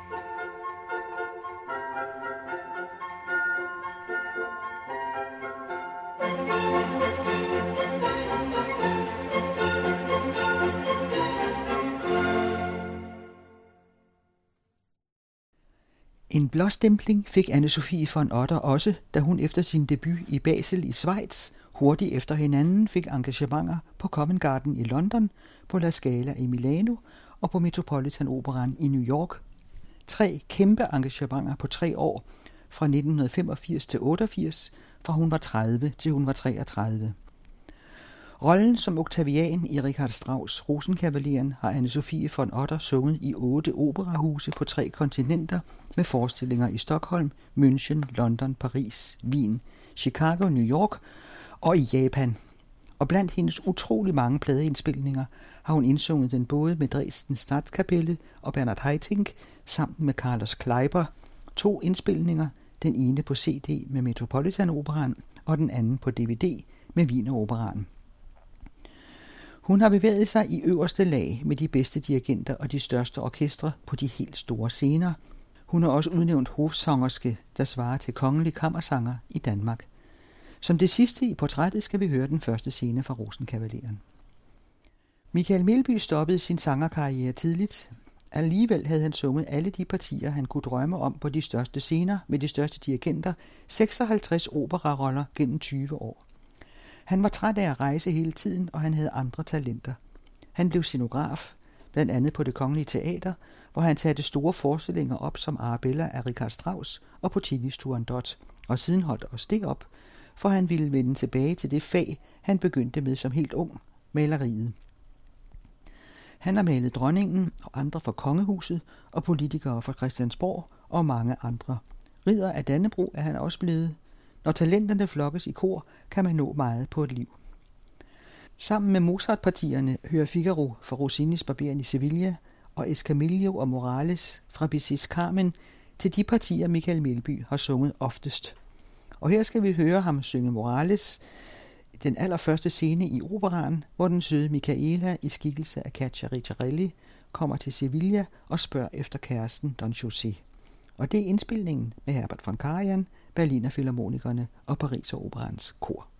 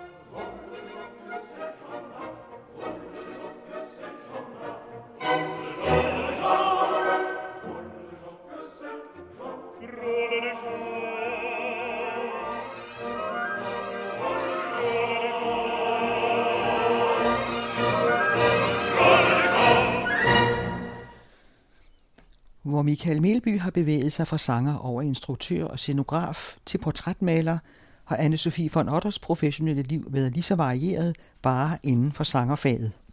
Hun har sunget mange lieder, og deriblandt mange ukendte, som hun har formået at få frem i lyset. Det gælder for eksempel de kvindelige komponister, som for de fleste vedkommende har levet en tilbagetrukket tilværelse, eller ligefrem været helt ukendte, og som vi hørte hende synge tre af før af den franske Cécile Chaminade. Sammen med sin faste partner, pianisten Bengt Forsberg, har hun indsunget et hav af CD'er med meget forskellig musik. Hun har indsunget en CD med værker udelukkende af komponister, der sad i Theresienstadt koncentrationslejren. Hun har urført operaer og værker af Thomas Ades, Sebastian Fagerlund, Peter Ötvös og Svend David Sandstrøm. Hun har sunget rock- og popsange af Benny Andersson og Bjørn Ylvæus, og John Lennon og Paul McCartney sammen med Elvis Costello, og hun var med i filmen A Late Quartet. Også en juleplade er det blevet til. Hun har sunget med de helt store symfoniorkestre, men også med kammerorkestre og barokorkestre. Hun synger selvfølgelig på mange sprog, alle de sprog, som operaerne er skrevet på, samt en del mere, og også noget af det sværeste, dansk og norsk, når man nu ikke er dansker eller nordmand, som da hun ved en liderkoncert på det Kongelige Teaters gamle scene sang en dansk folkevise om anne Sofie og koketterede med sit eget navn anne Sofie von Otters karriere er trods de 65 år ikke helt slut. Hun synger selvfølgelig ikke de store krævende partier, som hun har sunget så mange gange så mange steder, men synger anderledes mindre roller, og så både kammermusik og lieder. Imponerende er hendes pladeindspilninger. 26 hele operaer, deraf to med Rosenkavalieren. 13 med oratorier og symfonier, 4 med udvalgte arier, 31 indspilninger med lieder og 9 med lidt af hvert, julemusik, uddrag fra galaforestillinger og andet, i alt 83 pladeindspilninger. Det bliver indspilningen af Rosenkavalieren med Bernhard Haitink og Dresden Statskapelle, vi slutter af med. Her får vi begyndelsen af operaen, hvor Octavian i skikkelse af Anne-Sophie von Otter ligger i sengen efter en hed nat ved feltmarskalinden, som Kieti Kanava synger.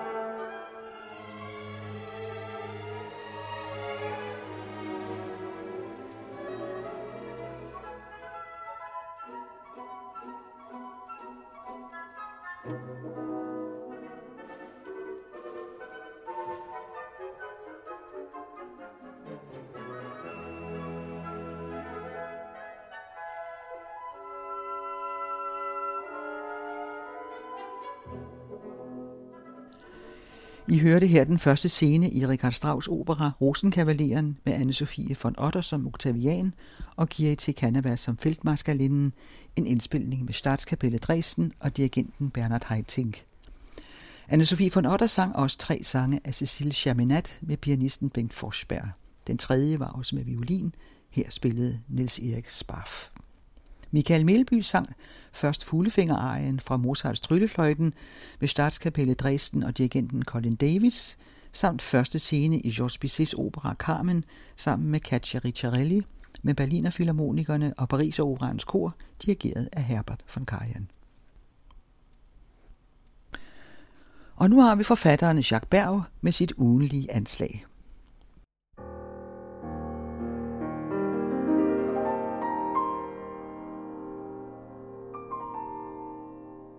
Anslag midt i en coronatid.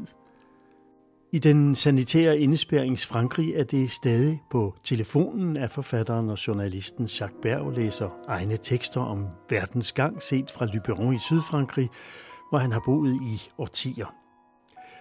I denne uge er det historier, udfald og meninger fra Notesbogen 2015 til 2017.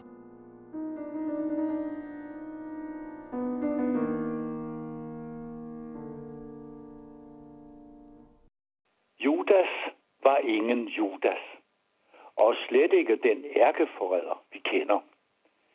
I romanen Judas fra 2014 beskriver den israelske forfatter Amos Oz ham som den eneste af disciplene, der tog Jesus alvorligt, når han sagde, at han var Guds søn. Han skriver, Judas kysset, historiens mest berømte kys, var ikke en forræders kys. Da præsternes udsendinge kom for at arrestere Jesus efter nadveren, behøvede de ikke nogen Judas til at udpege sin herre og mester.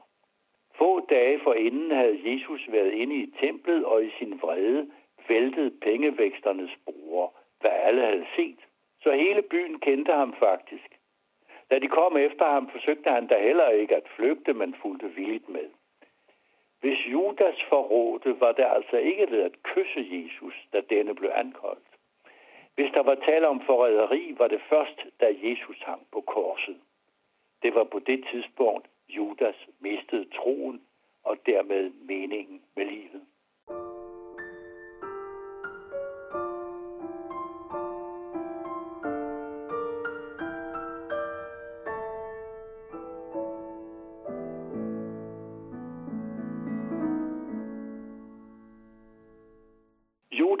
Iskariot var en rig mand. Han havde ikke brug for de 30 dinarer, der var belønningen for at stikke Jesus. Lige til det sidste troede han fuldt og fast på, at Jesus ville kravle ned fra det kors. Stig ned, rabbi, lige nu. Det er sent. Folk begynder at gå hjem. Stig ned. Vent ikke længere. For hans ven Jesus var jo både menneske og Gud. Judas blev dybt chokeret over at opleve Jesu død på et torturinstrument. Han gik hen og tog sit liv, fordi han var den eneste, der ikke ville leve, når frelseren ikke mere var der. Amos O. skriver, Judas var den eneste af de kristne, der aldrig ved en tomme fra Jesus, og aldrig forrådte ham. Den eneste af de få kristne, der troede på Jesu guddommelige natur lige til denne sidste suk på korset.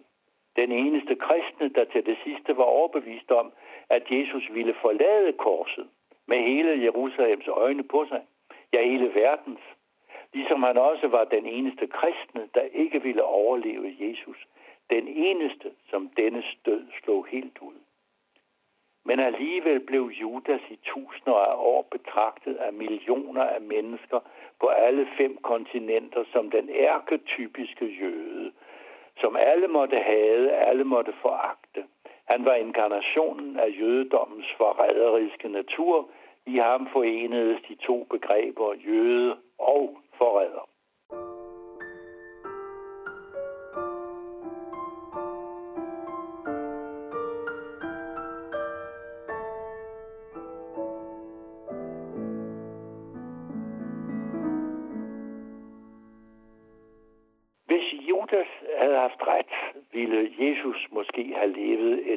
Langt liv som jødedommens store reformator.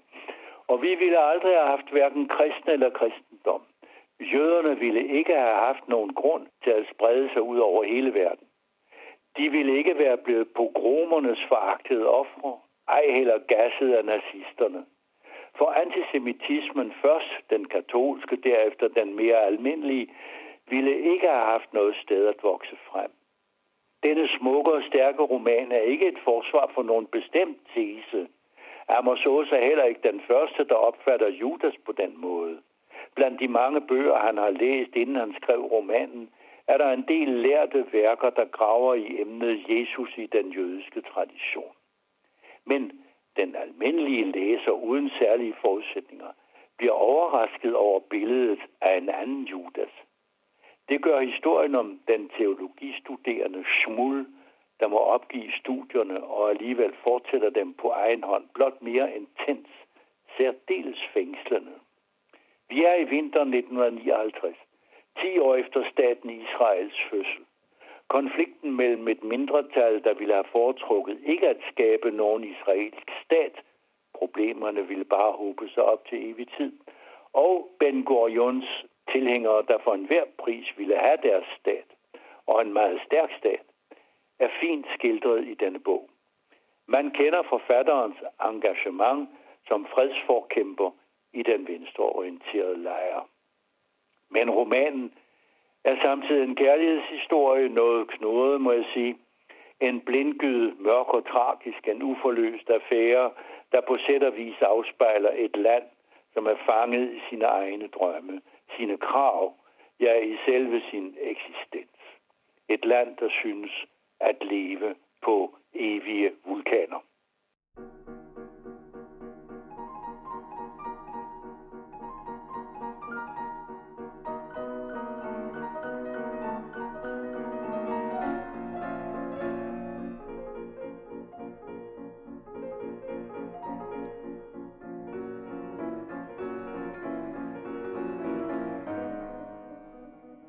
På sporet af en dreng på ni år. Jeg begynder med at vende blikket ind af mig selv. Min første tanke er, at han nok har fundet en lille krog der. Jeg retter det skarpe lys derind, uden resultat.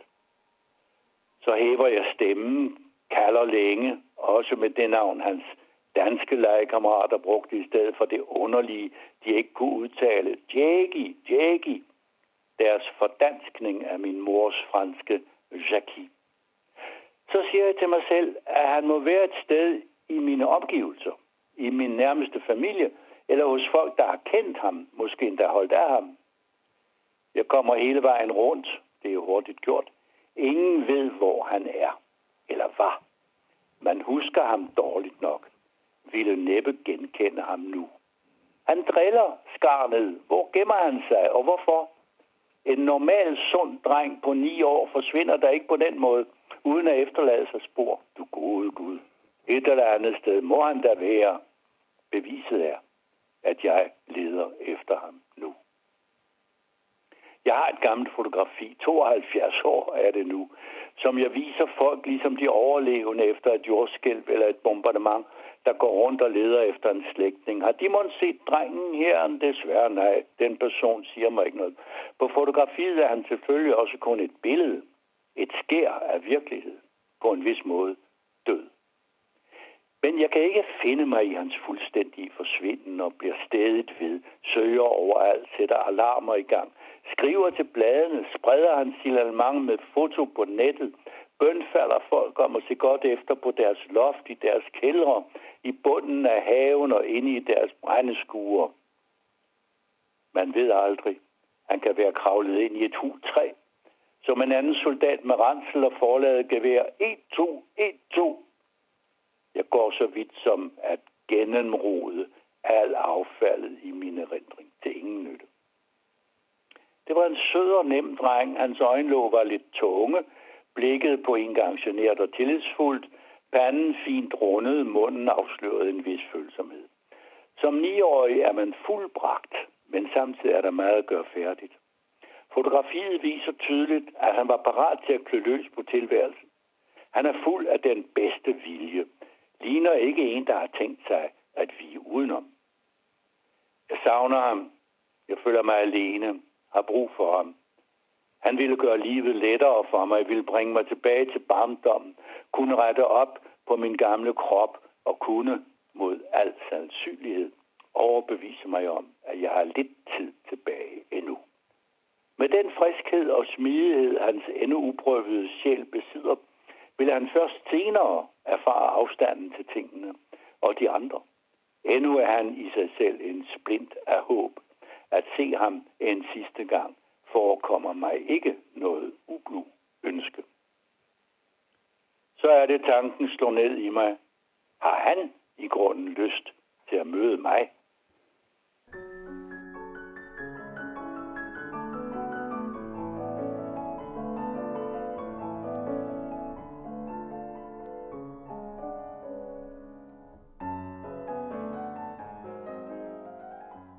Som barn lyttede jeg hver aften kl. 19 sammen med mine forældre og min storebror til BBC. BBC? Ikke så højt, ikke så højt, viskede min mor. Der bor en stikker ovenpå. Det var kun, når Vera Lind sang, at min mor glemte at bekymre sig. We will meet again. Det engelske sidestykke til Lily Marlene er blevet hængende i ørerne på mig lige til i dag. Når sangen dukker op i radioen, er jeg lige ved at lægge mig ned på tæppet og lytte.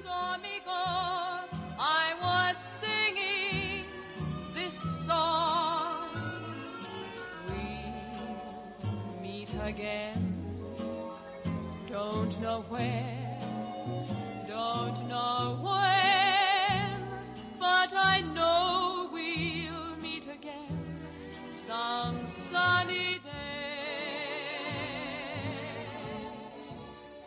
Forleden skrev alle aviserne om Viralin. Ingen taler ellers om hende mere. Forresten, hvornår var det nu, hun døde? Viralin fyldte bare 100 år den 22. marts. Det var derfor, hun var på forsiden. Som levende nationalmonument modtog hun endnu en udmærkelse fra en anden ung pige, en vis dronning Elisabeth, som også snart skal puste sine 100 lys ud. De britiske troppers sweetheart under 2. verdenskrig varede i 60 år. I 1995 gav hun sin sidste koncert for en Buckingham Palace i London. En stemme fra før de hyperfølsomme mikrofoners tid var intakt. Sorry, Dame Vera. Det var utilgiveligt af mig at begrave dem for tidligt.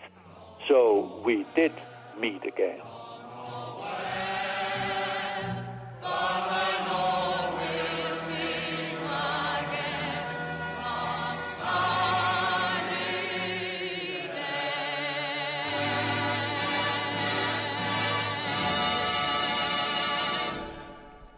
Det er Jesper Tang, der tilrettelægger anslag. Du lytter til Den Anden Radio.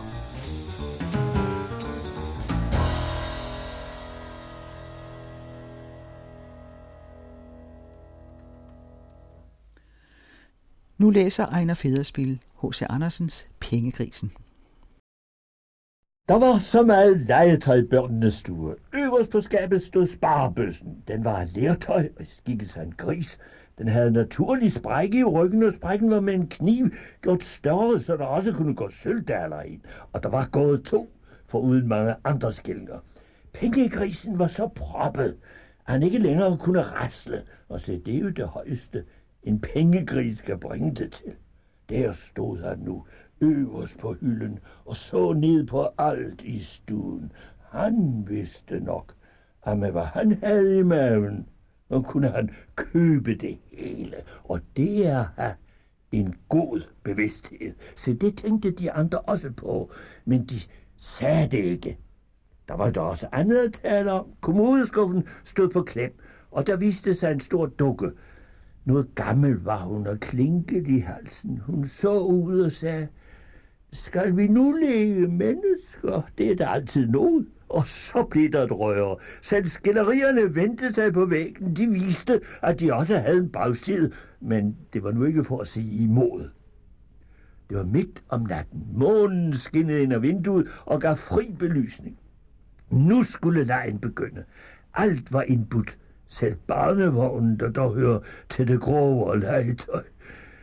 En hver kan være god for sig, sagde den. Man kan ikke alle være alle. Nogen må gøre gavn, som man siger. Pengegrisen var den eneste, som fik indbydelsen skriftlig. Han stod for højt til, at de troede, at han kunne høre den mundtligt. Han kan heller ikke svare, om han kom. For han kom ikke. Skulle han med, måtte han nyde det hjemmefra. Det kunne de rette sig efter, og det gjorde de. Det lille dukketeater blev straks stillet op, således at han kunne se lige ind i det. De ville begynde med komedie, og så skulle der være te og forstandsøvelse, men med den begyndte de nu straks. Gyngehesten talte om trænering og fuldblås. Barnevognen om jernbaner og dampkraft. Ja, det var jo alt sammen noget, der hørte til deres fag, og som de kunne tale om. Stueuret talte om politik, tik, tik, tik. Den vidste, hvad klokken var slået. Men man sagde, at den gik ikke rigtigt. Spanskrøstokken stod og var stolt af sin dubsko og sin sølvknap. Han var beslået både for oven og for neden. I sofaen lå to broderede puder, og de var nydelige og dumme. Og så kunne komedien begynde. Alle satte og så til, og der blev bedt om, at man ville smelle, knalle og rumle, ligesom man var fornøjet til. Men ridepisken sagde, han smældede aldrig for de gamle, kun for de uforlovede. Jeg knaller for alt, sagde knaldperlen. Et sted skal man jo være, mente Spøttebang. Nå, det var nu en værs tanke ved at være på komedie. Stykket duede ikke, men det blev godt givet. Alle de spillende vendte den malede side ud af. De var kun til at se på den ene led, ikke på vrangen, og alle spillede de udmærket helt forud af teatret. Tråden var for lang i dem, men så blev de mere mærkbare. Den klinkede dukke blev så betalt, at hun blev løs i klinken og pengegrisen blev på sin måde så betaget, at han besluttede at gøre noget for en af dem, sætte ham i sit testamente, øh, som den, der skulle ligge i åben begravelse med ham, når den tid kom. Det var en sand nydelse, som man opgav tilvandet og blev ved forstandsøvelsen. Det kaldte man at lege mennesker. At der var ingen ondskab deri, for de legede jo kun. Men hver tænkte på sig, og på hvad pengegrisen tænkte. Men pengegrisen tænkte længst. Han tænkte på testament og begravelse, og når kommer det i stand altid, før man venter det. Knak, der lå han fra skabet. Lå på gulvet de stumper stykker, mens skillingerne dansede og sprang. De mindste snorede, de store trillede, især den ene sølvdaler. Han ville ordentligt ud i verden, og det kom han, og det kom de alle sammen. Og skårene af pengegrisen kom i bøtten men på skabet selv stod igen næste dag en ny pengegris af lertøj. Der var endnu ingen skillinger i den, og derfor kunne den heller ikke rasle, og deri lignede han jo den anden, og det var altid en begyndelse, men med den vil vi slutte.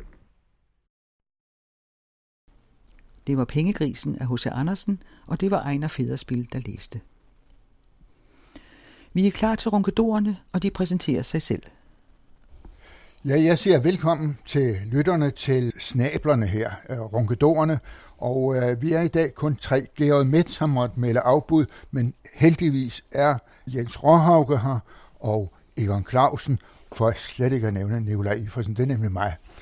Og øh, velkommen til jer. Øh, nu skal vi have en rigtig god snak om nogle gode bøger, som vi selv synes godt om, fordi bøgerne vælges alene af os, og kun hvad vi synes, der er godt at ja. læse. Og øh, jeg kan jo selv lægge ud med mig selv, meget passende, og øh, jeg har taget en af Aarhus Universitets forlags fremragende bøger med fra den serie, der hedder 100 Danmarks Historier. Den er skrevet af en historiker, der hedder Lars Kjølhede Christensen, og den handler om septemberforliget. Og så vil der være en masse mennesker, der siger, septemberforliget, hvad er det for noget? Hvis jeg så siger, et moderne ord for septemberforledet, det er den danske model. Så ved vi godt, hvad det handler om. Og det er lige præcis det, det handler om. Vi ved godt, at den danske model, det lyder sådan lidt patetisk, men er okay, det vil jeg tilgivet. Lad os se, Jens, hvad har du at byde på? Jeg har en bog fra Djøfforlaget om, øh, når medierne sætter dagsordenen. Altså et forsøg på at forholde sig til øh, det væsentlige i, at vi har medier som sådan en offentlig vagthund, og så på den anden side grænserne for, hvad de kan tillade sig, når de går ind og selv bliver en del af dagsordenen i det offentlige. Okay. Og øh, hvilken dagsorden vil du så sætte, Egon? Jeg medbringer en bog om historieundervisning. Det er en fagmetodik, øh, som er beregnet til øh, undervisning på øh, det, der i gamle dage hed seminarierne, og øh, den øh, beskæftiger sig med og giver gode råd og kommer med anvisninger på, hvad den gode historieundervisning kan være. Og det er en bog, som jeg tænker, den skulle have været på banen for 100 år siden, men nu er den her, og det er bare godt. Okay. Jens, så synes jeg lige, du skal lægge ud med det der med medierne, fordi nu, vi sidder jo også her og laver dagsorden. Ja, det gør vi jo. Hvad vil du fortælle? Med... Vores store held er, at vi har øh, tilpas mange lyttere til, at det ikke vælter samfundet. Ah, ah, ja, ja. ah en lille ja. smule. Det skubber Men lidt. Den her bog, når medierne sætter dagsordenen, den er skrevet af en række mediefolk, mediejurister, som blev vagt, kan man sige, af TV2's dokumentar om Grimhøje måske, hvad der sker bag sløret. Derfor får det en rimelig øh, grundig behandling, både øh, selve dokumentaren, men man går også bagom og, og kigger på, hvad er egentlig en tekstlæsning af den prædiken, eller hvad man skal kalde det, så, som imamen holdt, og man går ind og kigger på det dramaturgiske element i den, hvad sker der, når man tager en virkelighed og pludselig lægger den ind i en dramatisk fortælling med kameravinkler og med lys og skygge og, og sådan noget ting, der egentlig er ganske dagligdags, bliver pludselig truende, eller hvad er det for noget, man gør?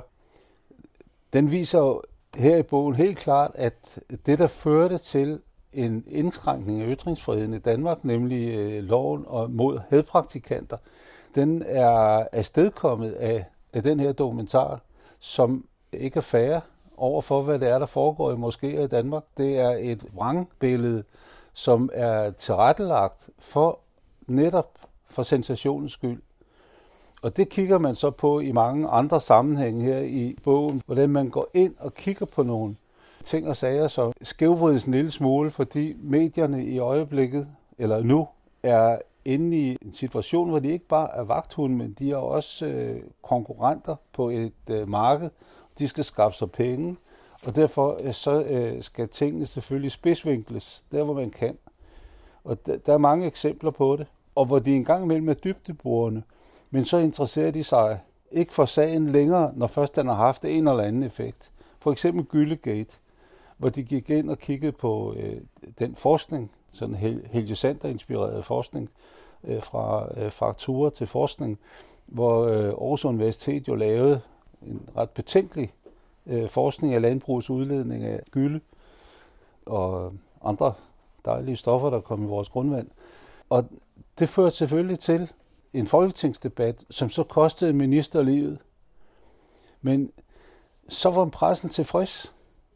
Det havde kostet et hoved, og så lavede man et kompromis, som i al væsenhed ikke adskiller sig fra det, man faktisk havde kritiseret det for først. Så det dybdeborende, det stoppede, da først det havde haft en effekt. Det er sådan et af mønstrene. Men det andet, det er mønstret fra øh, tv-dokumentaren, at man bruger skjult kamera og går ind og laver en dramatisering af en begivenhed. Man beskærer en begivenhed, og man vinkler den, så den, den får en effekt. At de fleste af de her ting, de har jo haft enorm betydning for den politiske debat. En anden ting, man peger på her, det er, at man laver cases, og så for at få dem solgt, så sætter man ord på. Altså for eksempel har det påvirket hele befolkningens holdning til sociale ydelser, at en fyr, der hed Robert, han fik tilnavnet Dovner Robert. Altså de, der modtager ydelser, er dogne.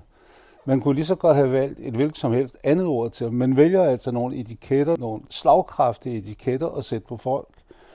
Og det betyder så også, at medierne sætter en dagsorden, som ryger ud over. Man har øh, ulvehistorierne. Der er en lang historie om, hvordan man har, i et område har prøvet at lære befolkningen at omgås ulvene på fornuftig vis.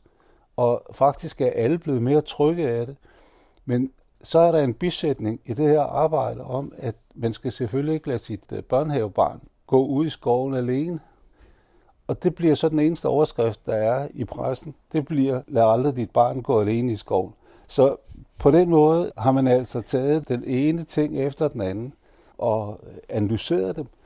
Og nogle af dem er analyseret rigtig grundigt. Navnet den med Grimhøj måske.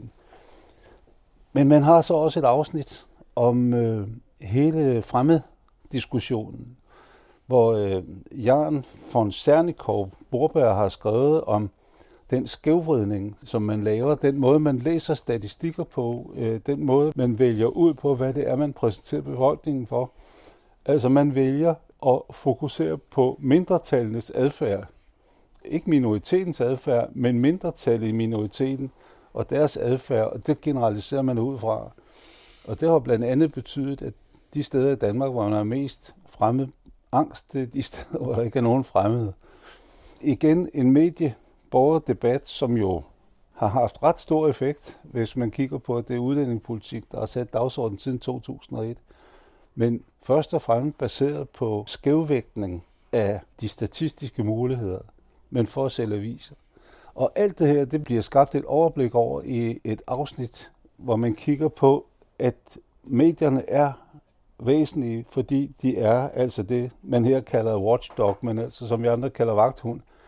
Men at de med de nye medieformer, der er de kommet ud af, af takt med, med den regulering, der har været af medierne, så de rent faktisk agerer på nogle måder, der overskrider nogle grænser. De bruger skjulkamera, hvor det ikke nødvendigvis var nødvendigt. De øh, skævvrider nogle ting og sætter selv dagsordner. Så øh, bogen det altså også for, at loven bliver reguleret sådan, så den tager højde for, at der er nye medier, og der er en ny virkelighed for medierne. Er der nogen med fra TV2, som giver kommentarer til det der? Altså, de har refereret dem. Der er ikke nogen direkte fra. Nej, så det vil nogen. sige, at det, det er ikke engang sikkert, at der er nogen på TV2, der læser det. Jeg ved ikke, om de læser bøger på TV2. Nej, det er ikke sikkert, de gør det. Men der er ikke nogen af TV2's folk, der skriver med her. Og jeg ved heller det er tydeligt, at der er sket et skred. Jeg har været i Danmarks Radio, jeg har været så lang tid. Jeg kan huske, at der kom den, der hed en mini-negra. Ja. Vi, I begyndelsen havde vi jo de der kæmpe store båndoptagere, og, og så blev de mindre og mindre. Til sidst så var der en, som var på størrelse med en tændstikæske.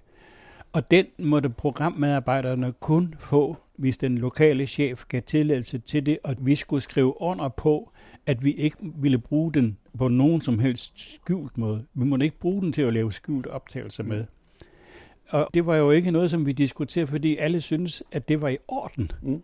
Men det synes alle åbenbart ikke mere. Nej, tværtom. Det handler om at få historien i hus. Jeg mener nu nok, at, øh, og det gælder vist både TV2 og Danmarks Radio, at der er meget skarpe betingelser for, hvornår de må bruge skjult kamera.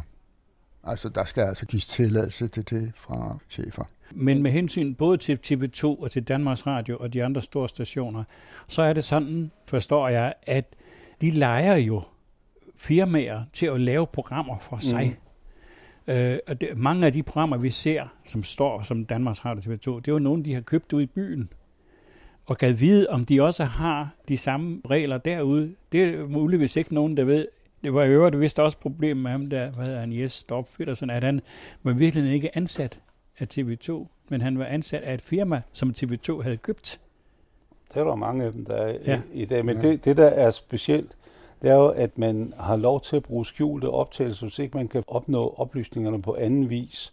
Og det, de dokumenterer her, det er, at i langt de fleste af de TV2-dokumentarer, der har været vist, fra plejehjem, fra børnehaver osv., der har man haft et menneske øh, plantet inden, som øh, altså man godt det spion, men altså som, som vikar eller medarbejder, som så har haft et kamera med.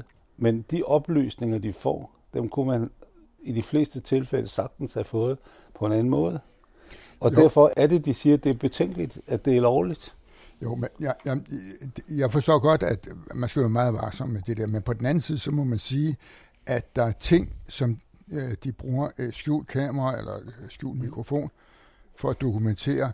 For hvis man dokumenterer det alene med ord, så bliver det bestridt. Altså så vil man fra de pågældende institutioner sige, nej, nej, det er ikke rigtigt, sådan foregår det slet ikke. Altså det er for at kunne dokumentere, for sådan foregår det rent faktisk. Men der er vel forskel på, om man dokumenterer det over for den myndighed, som er ansvarlig, eller man dokumenterer det først i det offentlige rum. Jeg mener også bag den der dokumentationslyst, som der også driver det her, der ligger der jo også en enorm stor mistillid til de offentlige de systemer, mm. som man går ind og undersøger. Man tror ligesom på forhånd, at jeg går ind i den institution, så vil jeg finde noget, som er skjult og fordækt og forfærdeligt. Jeg er ikke sikker på, at det foregår Men- på den måde. Jamen, jeg ikke sige, at det foregår, men det er simpelthen, det sidder ind i hovedet på folk. Nej, men når, når man for eksempel ser den her Grimhøj Moskeen, hvor man ser, at dagligdags situationer er filmet på en måde, så de kommer til at virke truende. Altså for eksempel kvinder i bøn. Kameravinklerne er valgt, og, og, og belysningen er valgt, sådan så det ser dystert og truende ud. Hvad det jo ikke er normalt, når kvinder beder. Altså, der er altså lagt en dramaturgisk bearbejdning ind over det, man har optaget med skjulkamera. Det er ikke bare en dokumentation, det er også en bearbejdet fortælling. Det er- og der er et eksempel her, som også kommer til at betyde noget for os i dag, fordi der er langsigtede konsekvenser. Det er Kåre Mølbak og Peter Reinhardt Hansen, der har skrevet det, da TV2 øh, havde et dokumentarprogram imod HPV-vaccinen om bivirkninger, når nogen blev vaccineret mod livmoderhalskræft, så øh, har det jo vist sig, at de bivirkninger er blevet bestridt af sagkundskaben. Det behøver ikke at have noget med vaccinen at gøre. Og de har ikke spurgt andre end dem, der har henvendt sig, som havde bivirkninger. De har slet ikke kigget på det brede aspekt ved de her vaccinationer. Og vi kan jo se i dag, at øh, hvor man netop meget aktuelt snakker om vacciner, at der er plantet en vaccinationsangst i befolkningen, hvor man fokuserer mere på mulige bivirkninger end på den store positive effekt. Fordi det er det, man interesserer sig for. Og- det hænger, kan der i hvert fald hænge sammen med, at man havde den dokumentar, som betød, at Danmark røg helt ned i bund med hensyn til forebyggelse af livmoderhalskræft.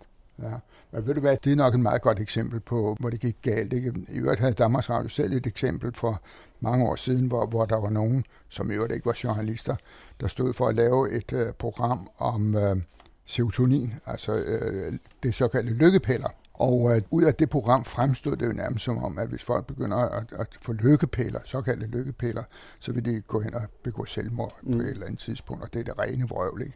Det var en af de største vindinger inden for psykiatrien. Men den kom også til at køre i lang tid, mm. og hvor folk blev bange for det der. Men en ting er medierne, men så må vi jo tale om alle medier, fordi det gælder jo også internettet. Altså det gælder jo de der Facebook-grupper, og det Mm. gælder alle de steder der. Når først den er plantet ud fra en formiddagsavis eller en avis, eller hvad det kan være, så får den sit eget liv ud på internettet, og der bliver hvad skal jeg sige, fyldt mere og mere på fra folk, som holder meget af konspirationer og så videre. Ikke? Mm.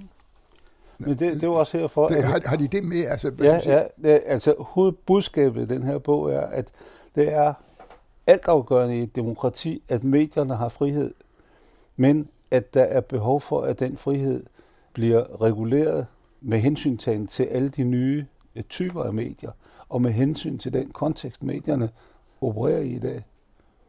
Bogens intention er at rejse en debat netop om balancen imellem mediernes nødvendige frihed og den offentlige dagsordens beskyttelse mod skævvridninger.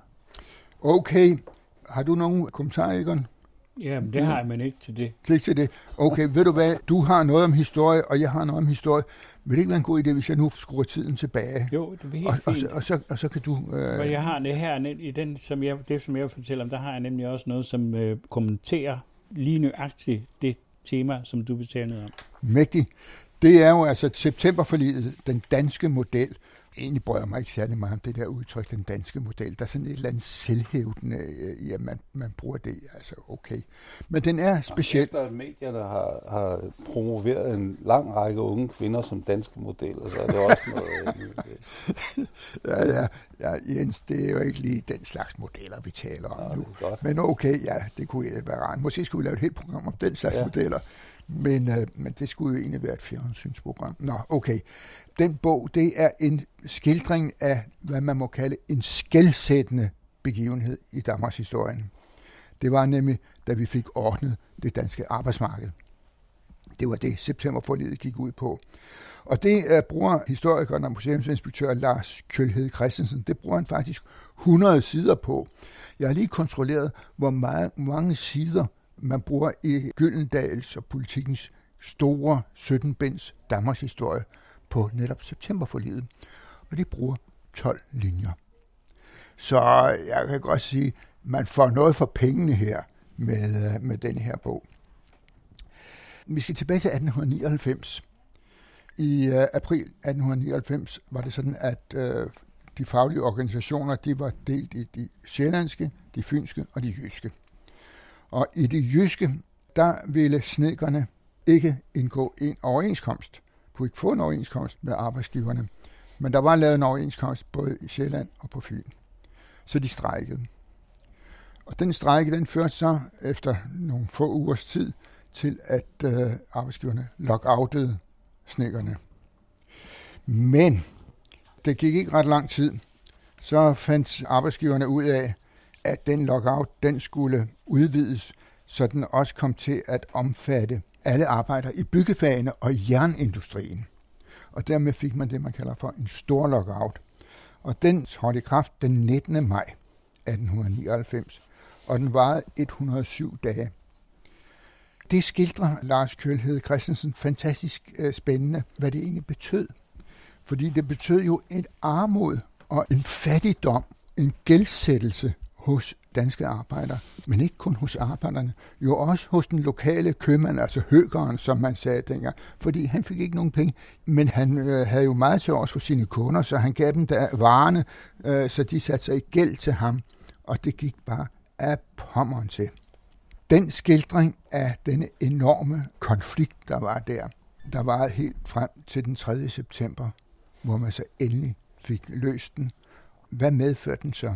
Ja, den medførte jo altså stor armod, fattigdom, men den gav også et, hvad der er meget mærkværdigt, et kolossalt kulturelt pust eller puff. Det viste sig nemlig, at de der arbejdere, der nu ikke gik på, på arbejde længere, de begyndte så at samles i foredragskredse. Og de læste bøger, og de lavede en masse ting, som begyndte at blomstre op.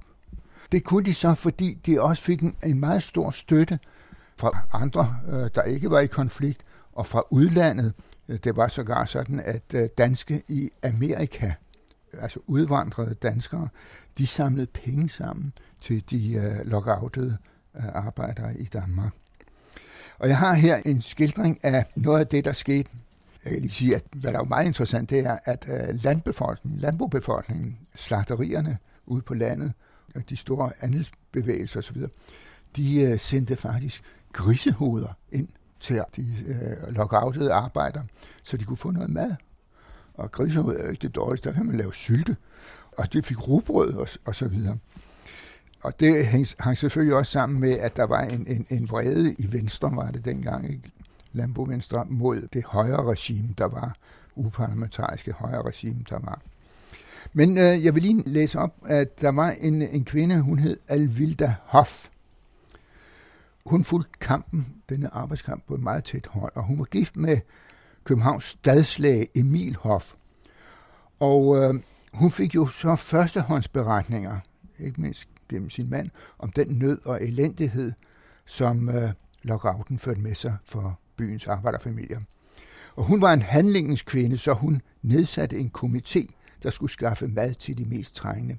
Snart stod hun for daglig servering af 1.800 måltider – og det blev ikke ved det. Komiteen tog kontakt til sympatiserende bønder, og snart var der en lind strøm af arbejderbørn fra København og de større provinsbyer, som kom ud på landet, hvor de blev indkvarteret i landbohjem, der kunne tilbyde mad på bordet. Også børnenes kontor, som blev stiftet året før, nemlig i december 1898, af den socialdemokratiske journalist A.C. Meyer, som var en meget kendt agitator, en meget velargumenterende agitator. Og øh, han begyndte med små donationer til fattige børnefamilier, betalt af egen lomme. Og under lockouten voksede børnenes kontor og hjalp især med at skaffe tøj til de mange børn, der skulle sendes på landet. Altså, jeg synes, det er, det, det er en fin skildring af den øh, folkelige solidaritet, der var med de mennesker, der blev lockoutet. Det var ikke alle arbejdsgiver, der var lige så hårde som øh, nogle af dem, der stod for lockouten der. Der var faktisk arbejdsgiver, som for eksempel direktøren på Burmeister Wayne, det store skibsværft i København. Han forstod nemlig, at med en stærk fagforening kunne man få ro på værftet.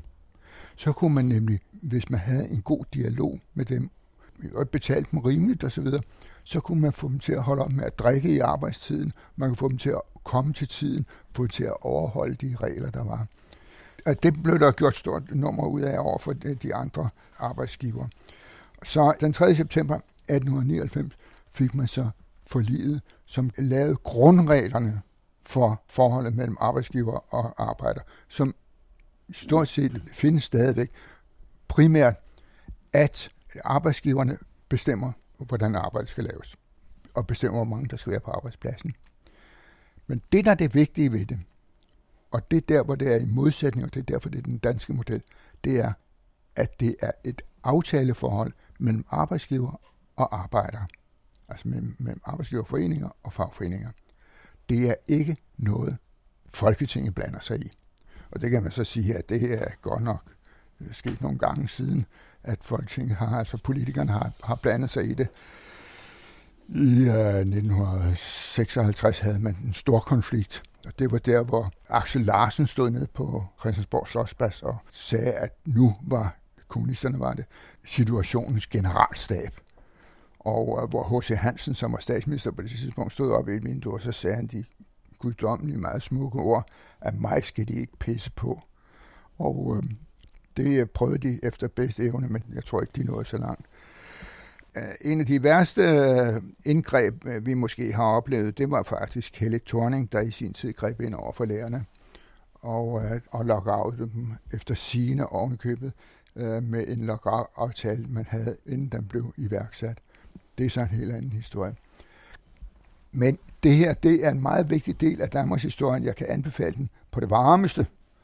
Og hermed vil jeg give ordet til... Men det, men det er jo meget sjovt, at ja. lige nøjagtigt den danske model, den er ved at smuldre under først øh, et angreb fra kristelige fagforeninger, derefter på grund af almindelig liberalisering og frihed til at vælge, altså individualisering af samfundet. Så, så i dag er det jo kun lige godt halvdelen af arbejderne, der er med i de der øh, fagforbund, mens øh, de fagforbund, der tjener rigtig mange penge, det er dem, der er sponsorer for jyske fodboldklubber. De er jo netop det, man kunne kalde gule fagforeninger, øh, som har bidraget til opløsningen af fagforeningsbegreber, det kunne godt betyde, at vi inden 2099 er tilbage ved 1899. Ja, altså... ja nej, jeg, vil, jeg vil lige sige til det der. Der er altså foreningsfrihed i Danmark. Ja, det ved jeg og, godt. Og, og også for gule fagforeninger. Jamen, det, er, ja. det, det, man kan beklage, det er, at, at arbejdere og funktionærer ikke mindst, ikke er mere bevidste om, uh, hvordan de lange ferier og de mange penge ja, er kommet til dem. Ja. Der, hvor angrebet er, det er jo faktisk fra EU. Det er jo fra de vedtagelser, man ønsker at lave. Bestemmelser, lovgivning om arbejdstider og ferier og så videre. Mm. Fordi det er et angreb på den danske model. Jamen, det er jeg med på. Hvis det bliver implementeret i Danmark. Ja. Jeg vil godt lige sige om septemberforliget, inden jeg begynder at tale om den fremragende bog, som jeg har med. Septemberforliget har jo dannet grundlag for store dele af dansk venstrefløj lige siden. Venstrefløjen kritiserede septemberforliget, fordi de opfattede det med en vis ret som et forræderi over for arbejderne, den store masse af danskere, fordi de gav sig. De gav arbejdsgiverne ret til at lede og fordele arbejdet. Der skulle de ikke være stanset. Når Axel Larsen han stod og sagde det der, så taler han ud fra den tradition for at kritisere septemberforliget, som har levet lige siden 1899. Og det var den, der bar kommunisterne frem, og det var den, som også levede i øh, SF. Og hvorvidt den findes nu, det er jeg ikke sikker på, men det er ikke begrevet det. Jeg vil bare sige, at det var en enorm inspiration for sådan nogen som mig for eksempel, at her var der ligesom en kile ind, hvor man kunne komme med en kritik, som var øh, på mange måder velfunderet. Så, så septemberforliget er ikke kun lykke i den forstand, at vi fik den der fred på arbejdsmarkedet, som vi fik, den blev købt dyrt. Nej, det var en stor lykke, vil jeg sige. Fordi hvis, ja. hvis, hvis ikke man havde fået det, så havde man fået nogle arbejdsforhold, som vi kender det fra Tyskland er svært at sammenligne med, fordi øh, der er jo sket meget i Tyskland fra 1899 til i dag. Men i Frankrig for eksempel, hvor der er, for det første er en enorm splittelse i det faglige.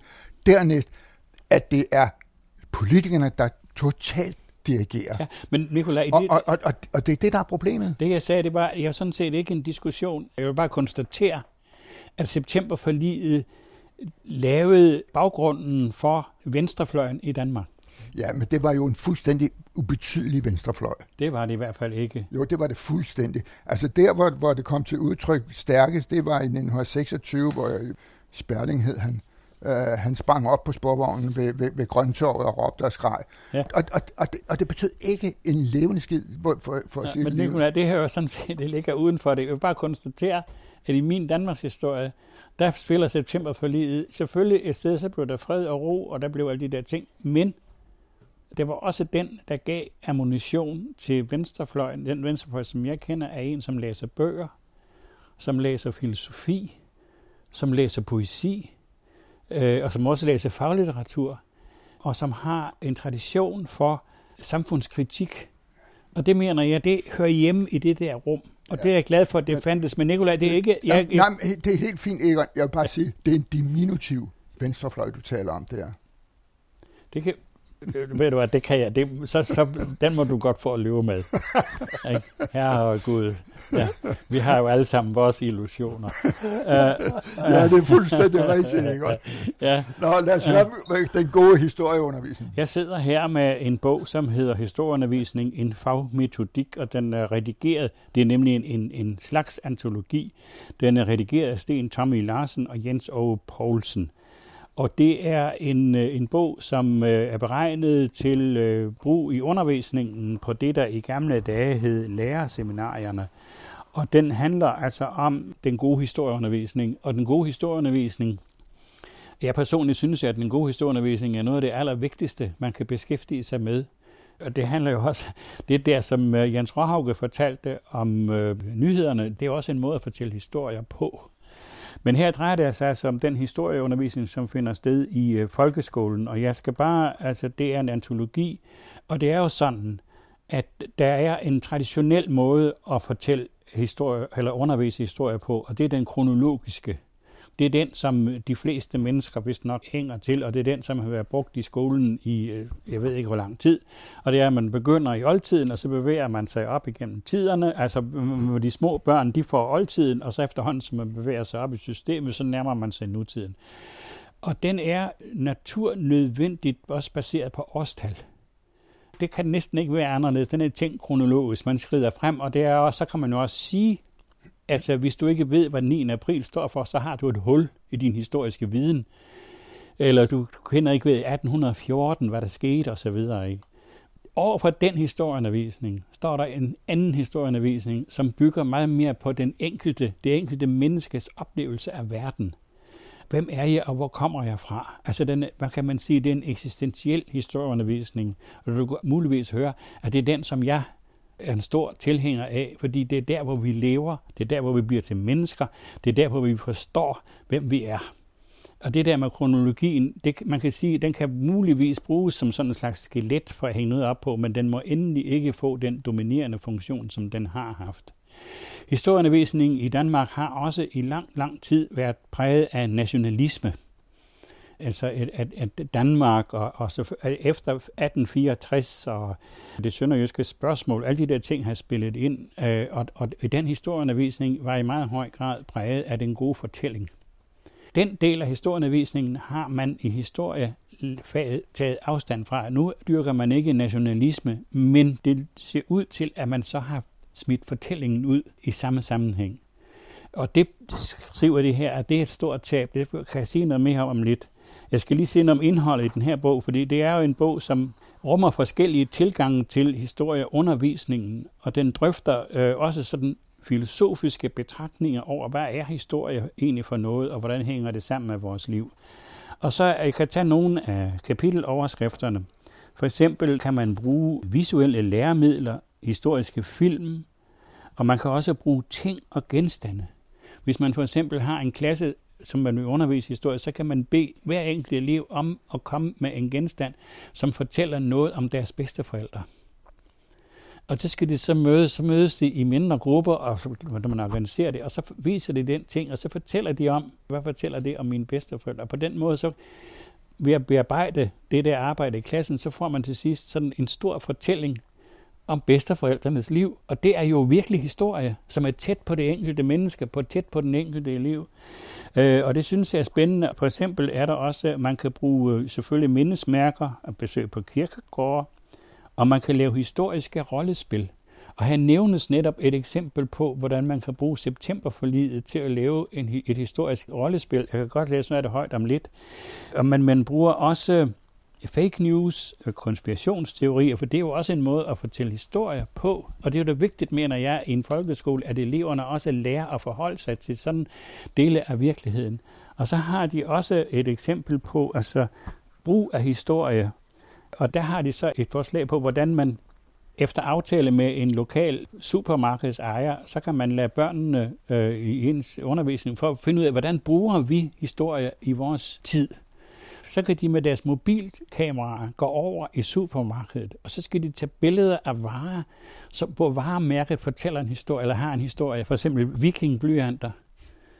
Der er masser. Der er ølsorter, og der er rugbrød, og der, der er rigtig meget, og så kommer de tilbage, og så viser sammen de der billeder, og så, og så får man simpelthen et eksempel på, hvordan det her samfund bruger historie.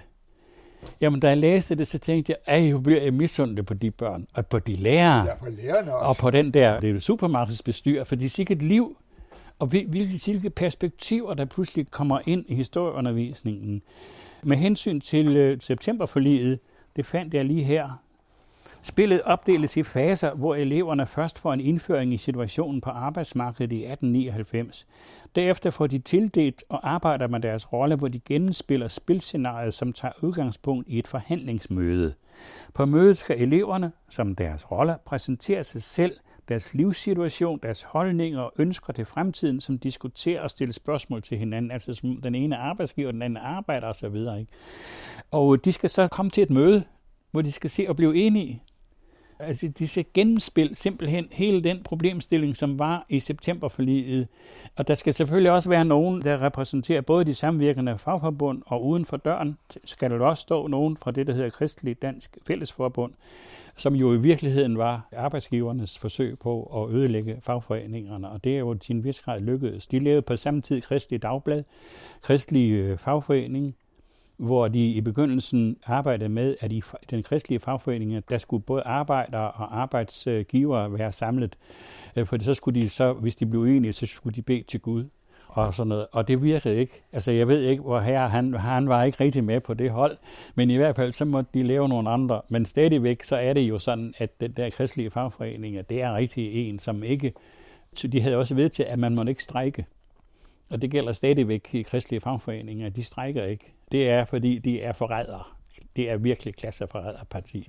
Men skidt nu med det. Så er der et eller to afsnit her, som handler om narrativitet. Og det er måske, det, det slår jeg ned på, fordi det er måske det allervigtigste. Det skriver de så, at hvis ikke at forståelsen for fortællingen ligger som et centralt element i historieundervisningen, så lykkes den ikke. Men så tænkte jeg, at den der kronologiske historieundervisning, hvor du hænger det hele op på årstal, den passer jo egentlig meget godt til den skole, som vi har i dag. For det kan måles. Du kan måle, om eleverne kan huske de rigtige årstal, men du kan ikke måle det, der sker inde i hovedet på en elev, som får fortalt en god historie. Det kan ikke måles, og det behandler de ikke i den her bog, men jeg betragter det som et af de helt store problemer i den danske folkeskole i øvrigt lige for tiden. Det er den der målstyring, og man tror, at alt kan måles, og man kan evaluere osv. Ikke? Og derved sætter man i virkeligheden noget af det aller, aller vigtigste i, i en skole over styr. Nemlig det, som min held lige på tiden, Biesta, han siger, det som vi ikke kan tale om. Den risiko, som vi ikke ved, hvor vi ender, den, den, den skønne risiko, kalder han den. Og det, det mener jeg, det kommer så tydeligt til syne i historieundervisningen, hvis den vil bygge på det der. Jeg er meget glad for den her bog. Jeg synes simpelthen, det er en guldgruppe. Og tænk, altså dem, der skal ud og bruge den, de skal være lykkelige over, at her er der sådan et skatkammer af tanker, idéer, forslag, overvejelser, henvisninger til andre. Så, så jeg vil sige, at jeg selv betragter mig jo selv som et menneske, som på mange måder egentlig er lykkelig. Og det vil sige, at jeg blev endnu mere lykkelig, da jeg læste den her bog. Ved du hvad, Egon, Egon jeg, jeg synes, det lyder fantastisk inspirerende, det der, og jeg kan godt forstå, at øh, det må være altid for, for en historielærer at, at blive inspireret til at, at arbejde videre. Jeg vil så sige, om det er et problem i folkeskolen, fordi jeg har en vis viden erfaring fra friskoler og efterskoler, og der foregår det jo på den måde. Altså mine børn, øh, jeg gik i en friskole, og, og de skulle da komme med noget.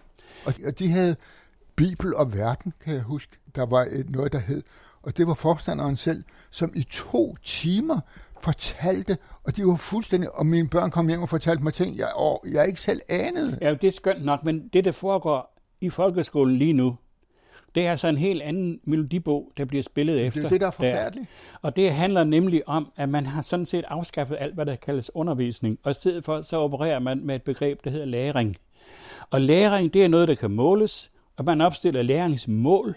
Man kan sige, du skal lære det og det, og du har det og den tid til det, og når den tid så er gået, så måler vi, hvad du har lært. Og det er læring. Og der siger øh, Biesta, at ved at bruge øh, begrebet læring, mister vi simpelthen et sprog for det aller, noget af det allervigtigste i undervisning i skolen, og det foregår kun, når der er undervisning til stede. I, i relation til Biesta, der har vi jo faktisk øh, haft en forløber for Biesta, synes jeg, i Danmark, nemlig i nogle af de tanker, Martin A. Hansen havde i sin foredrag for ungdommen i, i radioforedrag og i sit øh, arbejde i skolen, fordi det der med kontekst er jo noget af det værste for nutidige børn, fordi historien er skåret af på en eller anden måde. De lever ikke i generationssamfund længere, de lever øh, med jævnaldrende. Og jeg var på Paradisbakkeskolen på Bornholm, og der kom jeg forbi indskolingen. Og der står så to drenge, som spørger, hvor gammel er du? Og så siger jeg, hvad tror I? Den ene øh, mente så, jeg var 30, og den anden mente, jeg var 100. Og så fandt vi ud af sådan en mellemproportional. Da jeg så fortæller, at det er på det tidspunkt, jeg var 70 år, så står den ene og ser sådan ud. Så siger han, var der farver på verden dengang du var barn? Skide godt spørgsmål. Ikke? Og, og det, han har jo kun set sort-hvide billeder fra det der øh, Jamen, gamle, det gamle dage. Ikke? Og, og Men så altså... kom jeg til at tænke på Martin A. Hensen, som for eksempel fortalte om sin mark uden for vinduet i Varpeliv. Oh, fantastisk. Ja. Og tænk på de bønder, der havde dyrket det stykke jord. Han ville tage dem ind i sin stue, og så kom man til at tænke på, at han var der nødt til at stille dem op i kronologisk rækkefølge, for de kunne ikke snakke sammen, for sproget havde udviklet sig. Altså, da jeg og det er sådan nogle ting, jeg synes er, er vigtige, også i fortællingen. Og vi skal ikke, vi behøver, altså Martin. Hansen, det rigtigt, han var helt utrolig god fortæller, men ja. vi, vi har jo, altså, da jeg fortalte om Biesta derhjemme, så mm. siger min kone, jamen det er jo Kristen Kold. Ja, For det er Kristen Kold. Ja. Biesta siger, at meningen med at drive skole, det er at danne folk, så de bliver mennesker i verden. Ja. Det vil sige, at vi kan gå ud og tage et medansvar og forstå os selv som historiske ja. levende væsener. Mm. Men det her det er nu ikke en Biesta-bog. Det er en, en bog om ja, historieundervisning ja. på dansk. Jeg kom bare til at tænke på det, fordi jeg tænkte, det er det problemkompleks, som man også bevæger sig ind i, når man begynder at fortælle øh, historier. Det skal ikke forhindre mig at sige, at jeg synes, det er virkelig godt, at der kommer sådan en bog som den her.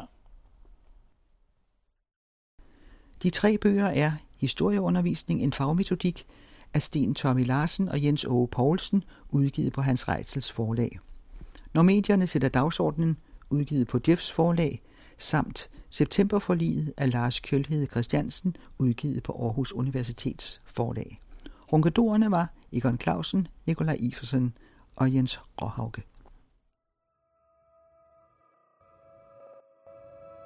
Velkommen til Søndagsfortælling med Jakob Skyggebjerg. Hver uge en ny fortælling, indtalt som lydbog af forfatteren selv og udgivet som podcast til dig.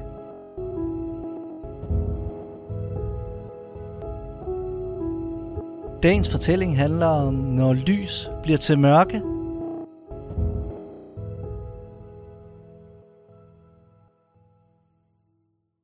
Ladies and gentlemen, this is your captain speaking, sagde Kasper. Johanna grinede og lagde sin hånd over hans. Den lå altid og holdt om gearknuppen, når han kørte. Hun så ud på landskabet, der lå så roligt derude under solen. Små, hyggelige huse, der så ud som om de var vokset op af jorden som paddehatte. Nogle af dem endda stråtægte. De var kørt fra Berlin om morgenen, mens det endnu var mørkt, og gaderne i byen kun befolkedes af skraldebiler og hjemløse og udpinte festfolk, der nægtede at gå hjem. At se Berlin fra den vinkel, fra en bilkabine, der langsomt finder vej ud af storbyens labyrint af gader, indtil den finder motorvejen, og så pludselig sætter fra. Det var ligesom da hun var barn, og de kørte på bilferier rundt omkring i Europa. Og mens de flyttede sig opad på Europakortet, var dagen begyndt at gry. Da de nåede Hamburg, lå verden indhyllet i en tåge, hvor kun konturerne af Hansestadens store bygninger trådte frem. Og efterhånden som de nærmede sig grænsen og Danmark, begyndte tågen for alvor at stige. Den var dækket, der langsomt blev trukket væk og afslørede den overraskelse, de havde i vente. September Danmark. De kunne bogstaveligt talt se disens sidste genfærd give slip og stryge til himmels, i det de kørte ud fra paskontrollen. September Danmark.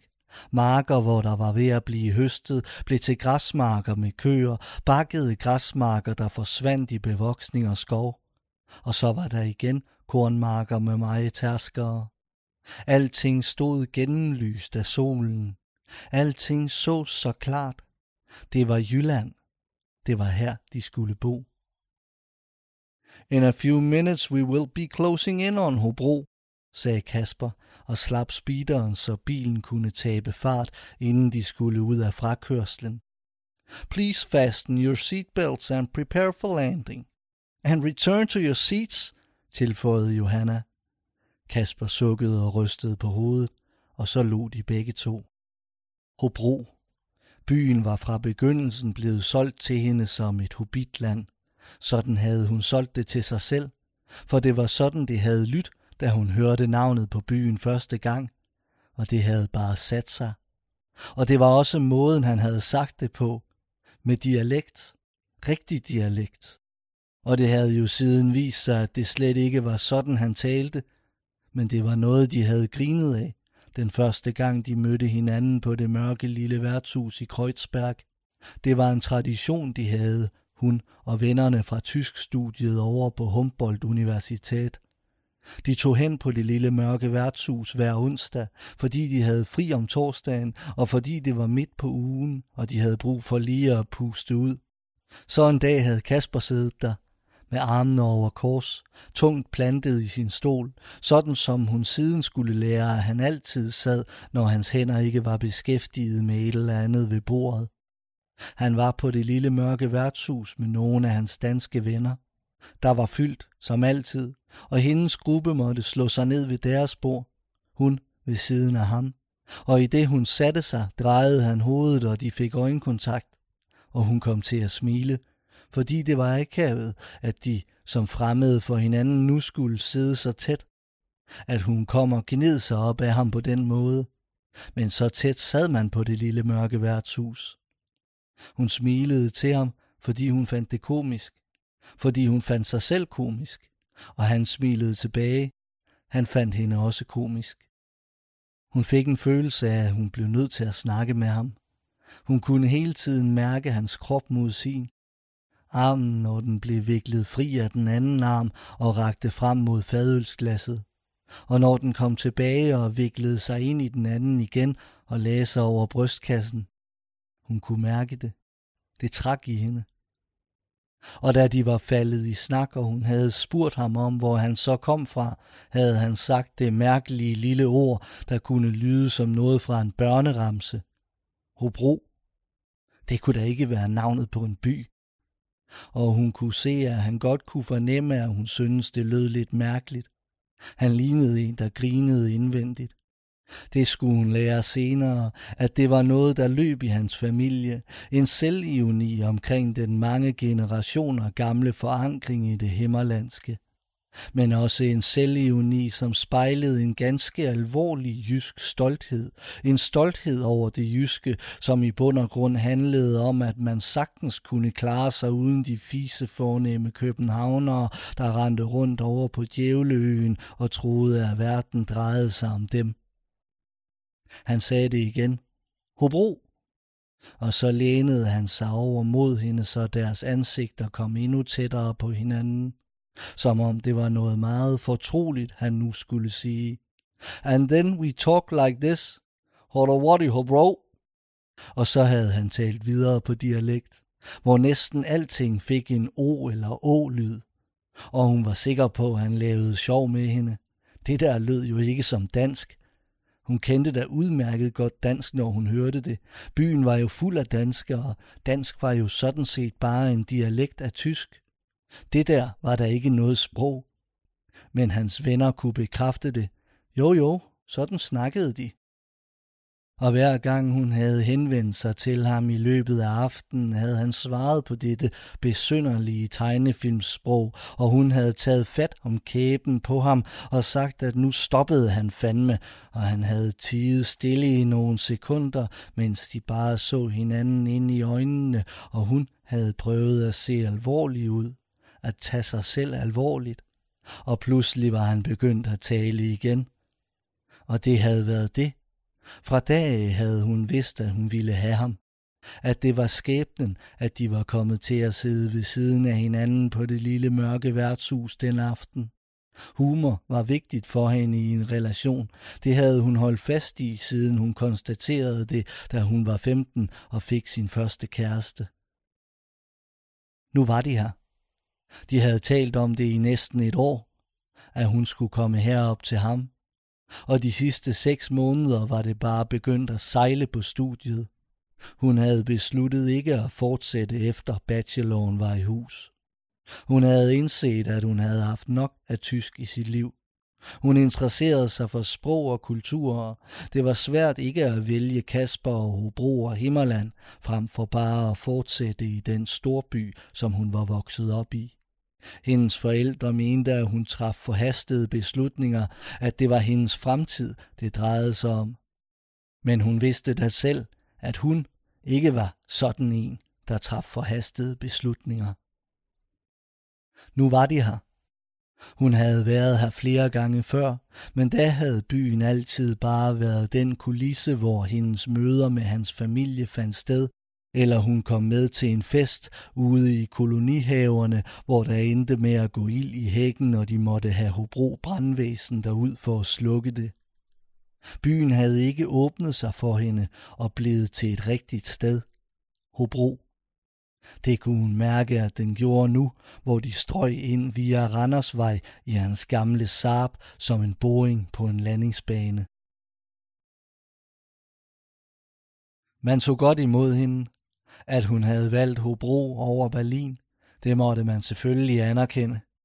De af hans venner, der før hun var kommet, havde omtalt hende som tyskeren, var faktisk nogle af dem, der behandlede hende allerbedst. Det var lige før de lod til at synes bedre om hende end om Kasper.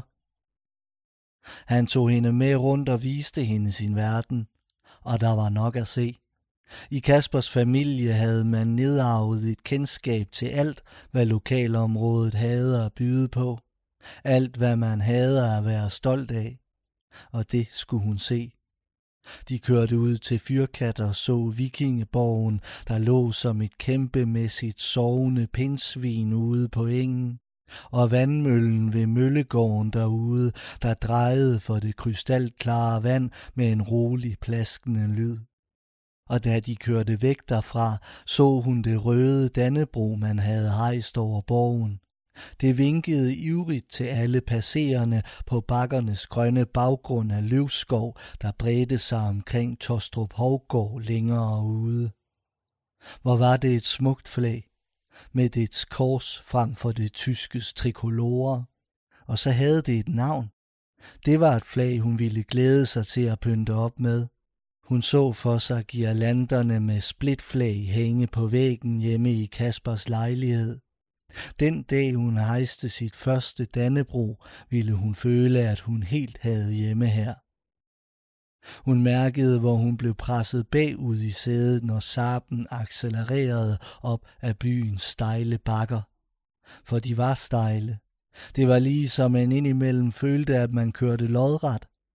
Og Johanna døbte byen den danske San Francisco, og måtte så vise Kasper billeder fra den amerikanske kystby, for at han skulle forstå, hvad hun mente. Han kendte ikke meget til andre steders topografi.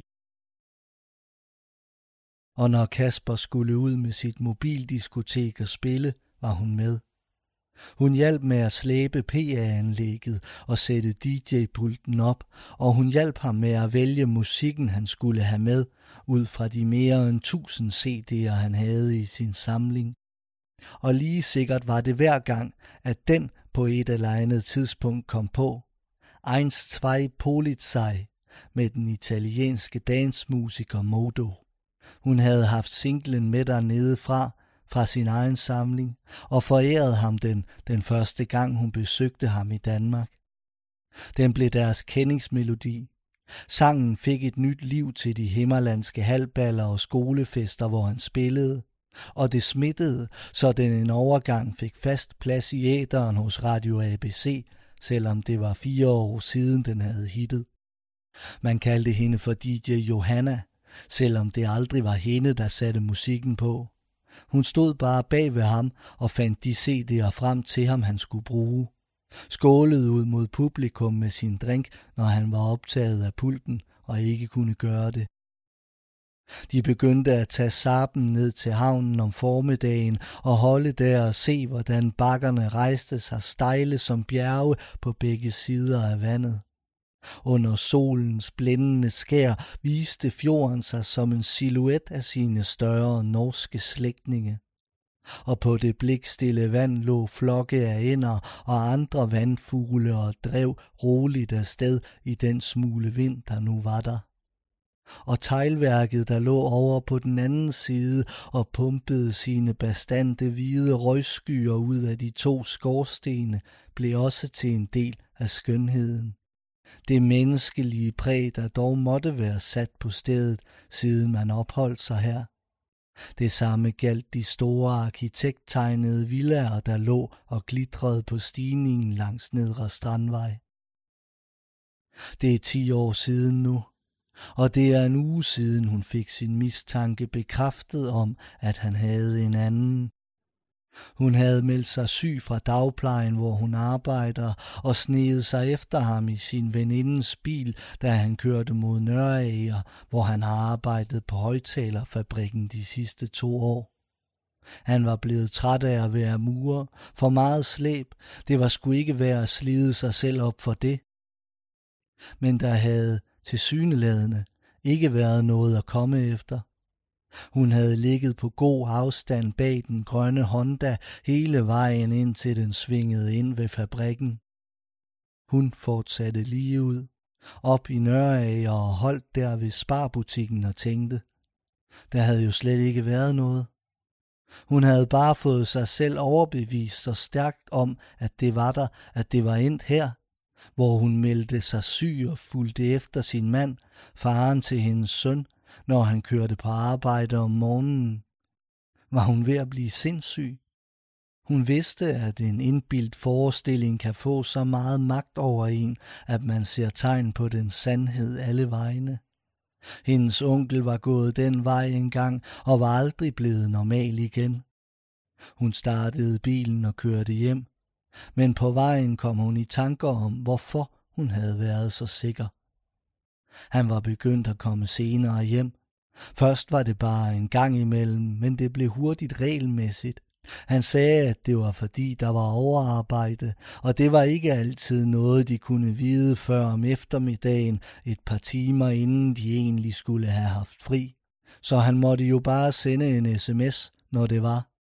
På den måde opstod der sådan en ordning, hvor han, uden at skulle stå ansigt til ansigt med hende, kunne give besked om, at han ikke vidste, hvornår han ville være hjemme den dag. Det var en behagelig måde at lyve på. Og selvom der var overarbejde, kom der ikke flere penge. Der kom snarere færre. Der var råd til, at Mick kunne komme til basket, ligesom han gerne ville, men til hende var der ingenting. Hun måtte finde sig et bedre arbejde, sagde Kasper. Og trods alt var der penge til, at han kunne få nye sko. Hvide sko. Han sagde, at han havde fået dem billigt nede i Markus. Men de solgte jo slet ikke sko i Markus. Og en uge efter så hun dem pludselig udstillet foran en skobutik inde i Hobro bymidte. Men det værste var den måde, han var påpasselig med sin telefon på. En dag havde han skyndt sig at snuppe den op fra køkkenbordet, da det gik op for ham, at den lå ved den plads, hvor hun havde sat sig. Og han havde grinet på den der underlige måde, som ikke virkede som et grin, men som et røgslør, der skulle kamuflere hans nerver.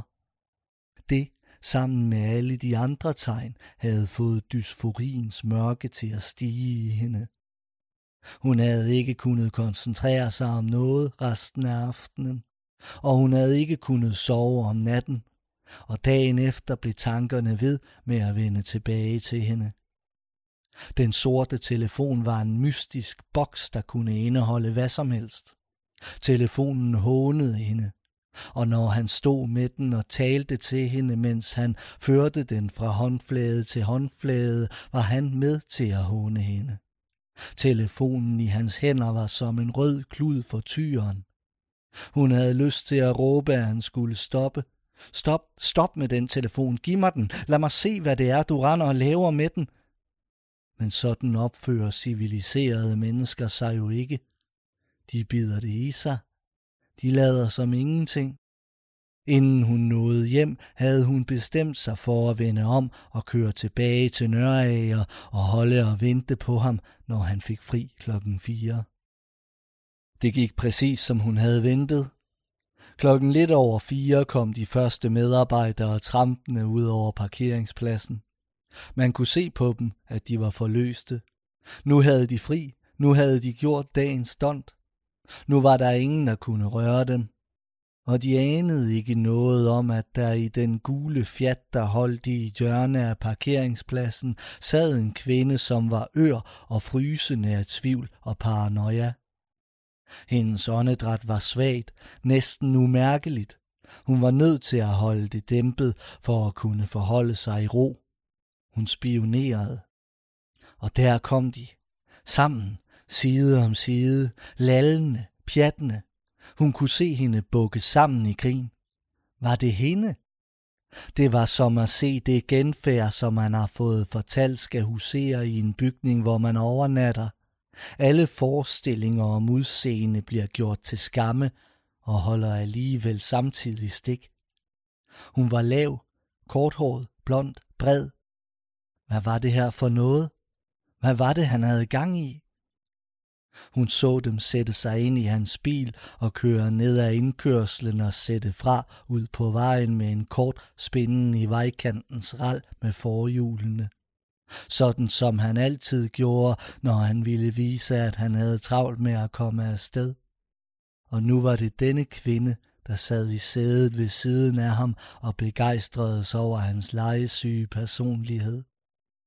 Bilen var forsvundet ud af Grønnerupvej, inden mørket havde opslugt hende, og hun atter kom til sig selv. Nu var det hende, der lavede hjulspind i den lille fjat. Ud på Grønnerupvej og efter dem. Der holdt de og blinkede for at komme til venstre af Lykstørvej. Johanna følte sig styrket af overmenneskelige kræfter. Det var mørket.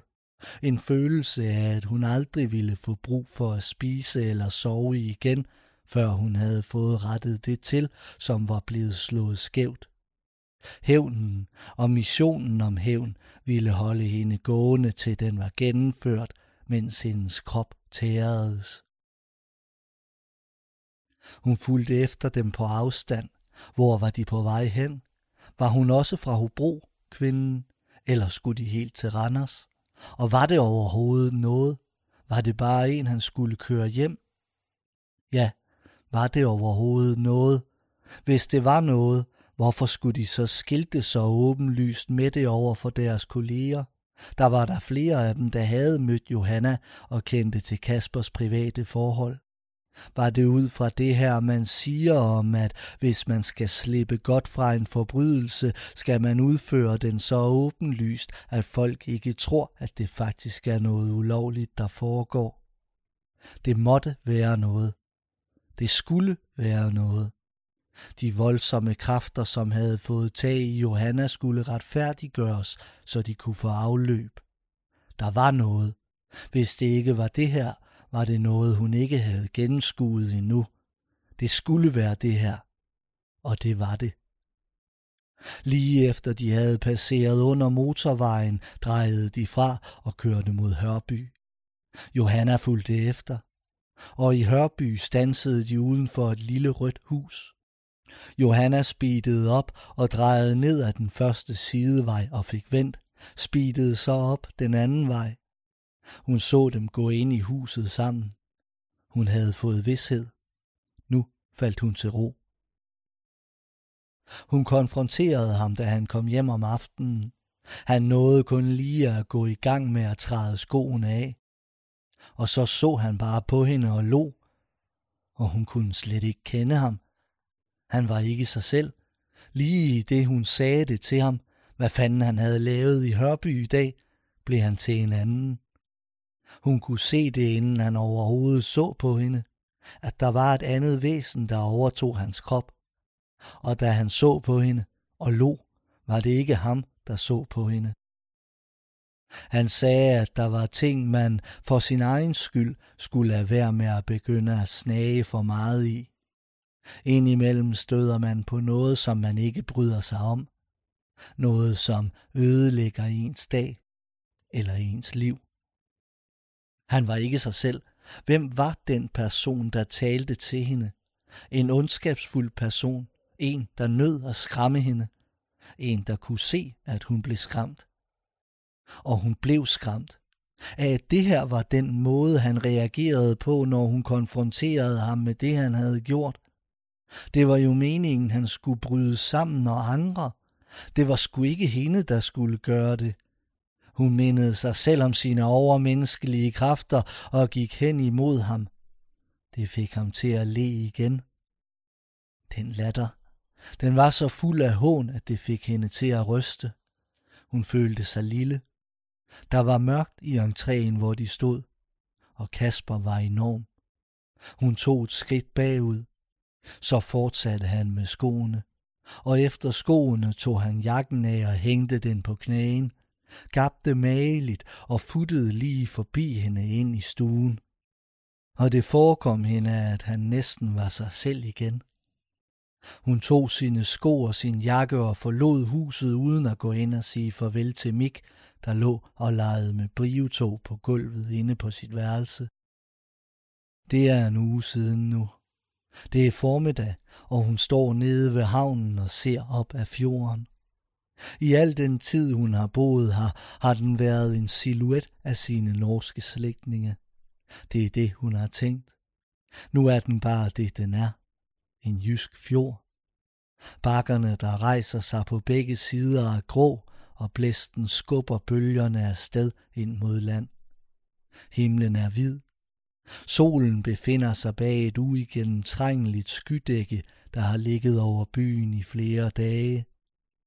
Teglværkets røgskyer går i et med det. Han sagde, at hun skulle flytte ud. At det var meningen, de ville have ventet med at afsløre det, men nu, hvor hun selv havde fundet ud af det, var der jo ingen mening i at trække den længere. som om hun var et barn, der havde sneget sig ind og pakket sine julegaver ud før tid. Der var ikke noget med at bede om tilgivelse. Han var kold. At få rykket Johanna ud og den nye kvinde ind var et praktisk anlæggende for ham. Det kunne lige så godt have været en ny sofa, han skulle have ind. Og det var da rigtigt. Det var da rigtigt, at deres forhold måske efterhånden var blevet sådan lidt hverdagsagtigt, og hvis han virkelig havde forelsket sig i en anden og havde brug for at rykke videre, så ville hun da ikke stille sig i vejen for det. De var jo moderne mennesker, men der var der ingen grund til ligefrem at være så kold omkring det. Så stolt. Han gik slet ikke ind i det. En bilalarm river hende ud af hendes tanker. Nogle meter fra hende står en guldfarvet firehjulstrækker og blinker og dytter. Der er ingen mennesker i nærheden, der kan stoppe den. Hun begynder at gå op imod gågaden. Hun kan gå hjem. Det kan hun gøre. Det kan hun overkomme. Siden han forlangte, at hun flyttede ud, har hun boet hos veninden. Hun er sygemeldt fra dagplejen. Hun bruger dagene på at vade rundt i byen. Man tænker bedre, når man går. Og hun får tænkt. Hun prøver at begribe, at han ikke er den, hun troede, han var. For syv år siden, da de tog i Rebil Bakker til fejringen af den amerikanske uafhængighedsdag, og var klædt ud som amerikanere, han med den hvide cowboyhat, som faren ellers altid gik med, og hun med et Stars and Stripes mønstret tørklæde bundet om halsen, som han forærede hende til anledningen. De købte det i butikken ved Rebilmuseet og var i samme ombæring en hurtig tur gennem udvandrerudstillingen. De var blevet væk fra hinanden, og hun havde ringet til ham på mobilen, men han havde ikke svaret og hun havde tænkt, at han nok ikke opdagede, at den vibrerede, fordi der var så klemt af mennesker, eller også kunne opkaldet simpelthen ikke gå igennem, fordi nettet var overbelastet. Men da hun fandt ham, og hun slyngede sig om ham og sagde gudske lov på sit gebrokne dansk, var det som om det kun var for hende, det havde været et problem, at de kom væk fra hinanden. For ham var det en selvfølge, at hun fandt hen til ham. Hun måtte holde sig til og passe på ikke at komme til at sakke bagud. Da havde hun jo faktisk tænkt det, at i sidste ende var det ham selv, der spillede hovedrollen i hans liv. Det var ham, det handlede om. Men hun havde skubbet tanken væk. Idiot som hun var, havde hun skubbet den væk og nøjedes med at fokusere på alt det gode. Det ubehagelige, det grimme, kunne forurene hele billedet af det smukke og dejlige. Ingen var jo perfekt.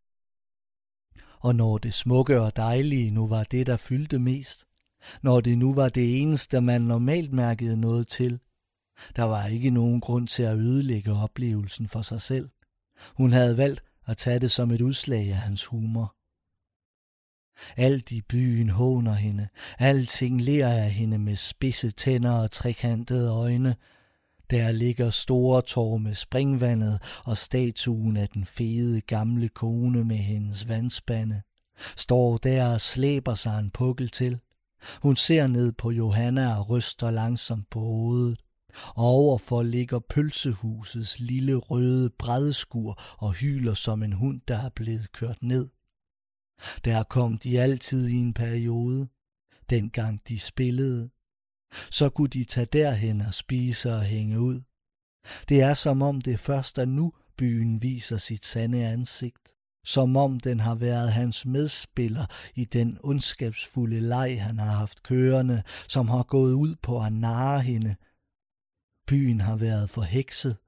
I alle de år har den set ud som noget andet, end den var. Den har bare ventet på at kunne afsløre sig. Og nu er det sket. Og nu skal hun trykkes helt flad. Hun har sit liv her. Hun har sin søn her. Og han har sagt, at han vil blive boende ved sin far. Hun kan ikke tage herfra. Hvorfor denne ondskab? Hun havde næsten ingen forbindelse med sin far det sidste år, før han stod, og moren bebrejdede hende det, hun bebrejdede hende det helt indtil hun også døde to år senere. Johanna havde helt skrottet den del af sit liv, sin fortid. Det er først nu, hun mærker det. Det er først nu, hun forstår det. Og så var der dengang, de kørte ud til Hvidsten Kro, for nu skulle hun have Danmarks historie og familiehistorie. Nu skulle hun se det sted, hvor hans oldefar havde holdt til sammen med de andre modstandsmænd. Altså, uddybede han, da de sad ved bordet i krogstuen. Han var ikke med i selve gruppen. Han hjalp dem bare. Men ja, han var ikke en af dem, der havde stjålet rampelyset. Og da det havde fået hende til at smile, havde han sagt, at det krævede nogle folk at holde de tyskere fra døren. Og nu husker hun, at hun også da fik et glimt af denne anden person, som han også er. Og det var jo ikke noget, hun lagde mærke til dengang, for da anede hun jo ikke, at denne anden person eksisterede. Men nu kan hun lige så tydeligt se ham for sig, der på krogen. Det var ham.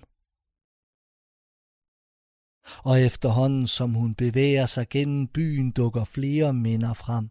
Der var en gang til Ambufesten, hvor nogle af hans venner kom op og slås med nogen fra Marjæger, og hun blev sendt hjem. Og da han endelig kom hjem ud på morgenen, satte han sig i stuen og så ud af vinduet og ville ikke have, at hun kom hen til ham. Han sagde, at hun skulle gå i seng, og det føltes som en ordre og til en af søndagsmiddagene hos hans mormor i Arden, hvor hele familien var begyndt at køre på hende, fordi hun var tysker. De havde alle grinet den tørre, overbærende latter, som lå til familien, og hun havde også grinet på en måde, der mindede om, men det ændrede ikke på, at det viste, at de var ligeglade med, hvordan det føltes for hende. At han var hun havde prøvet at tage det op ude i bilen, men han havde formået at slå det hen med endnu en morsom bemærkning. Og den gang de var ude ved verdenskortet, hvor han låste hende ude af bilen og kørte lige så stille af sted, og hun gav sig til at løbe ved siden af. Hurtigere og hurtigere. Til sidst smed hun sig i grøften og lå der og gispede og da hun endelig fik pusten og kom op og så efter ham, holdt han længere henne. Han havde set, at hun havde smidt sig, men han var ikke kommet hen for at se, hvad der var galt. Hun havde altid bevaret roen, for han havde det jo ikke i sig at gøre nogen fortræd. Hun træsker op ad bakken mod banegården, og den bliver stejlere og stejlere, og det blæser kraftigere og kraftigere. Har der været andre, end hende ude i Hørby. Om aftenen, da de sidder om bordet og spiser hjemme hos veninden, er hun helt umulig at komme i kontakt med. Når veninden eller hendes mand siger noget til hende, tager det flere øjeblikke, før hun svarer. Datteren skriger.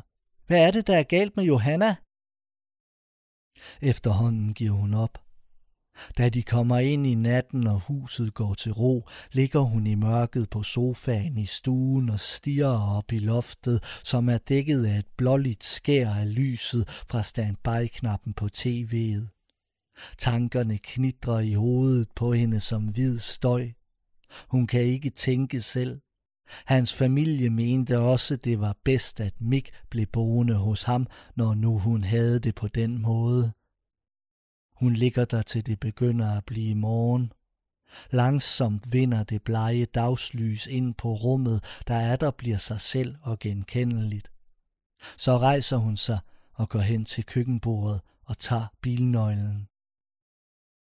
Der er den lille detalje, som han i sin selvcentrerede narcissisme ikke har indset, tænker hun at når man skal spille psykopat på den måde, skal man passe på, at man ikke gør det så gennemført, at ens ofre bliver efterladt uden noget at miste. Den, der ikke har noget at miste, er måske uden stor social værdi og skal være taknemmelig for, at hun overhovedet må være her. Men det er netop derfor, hun er farlig. Der findes ingen grænser for hendes muligheder for hævn. Forældrene sagde, dengang hun flyttede til Danmark, at hun traf forhastede beslutninger. Tja, hun ved da selv, at hun ikke er sådan en, der træffer forhastede beslutninger.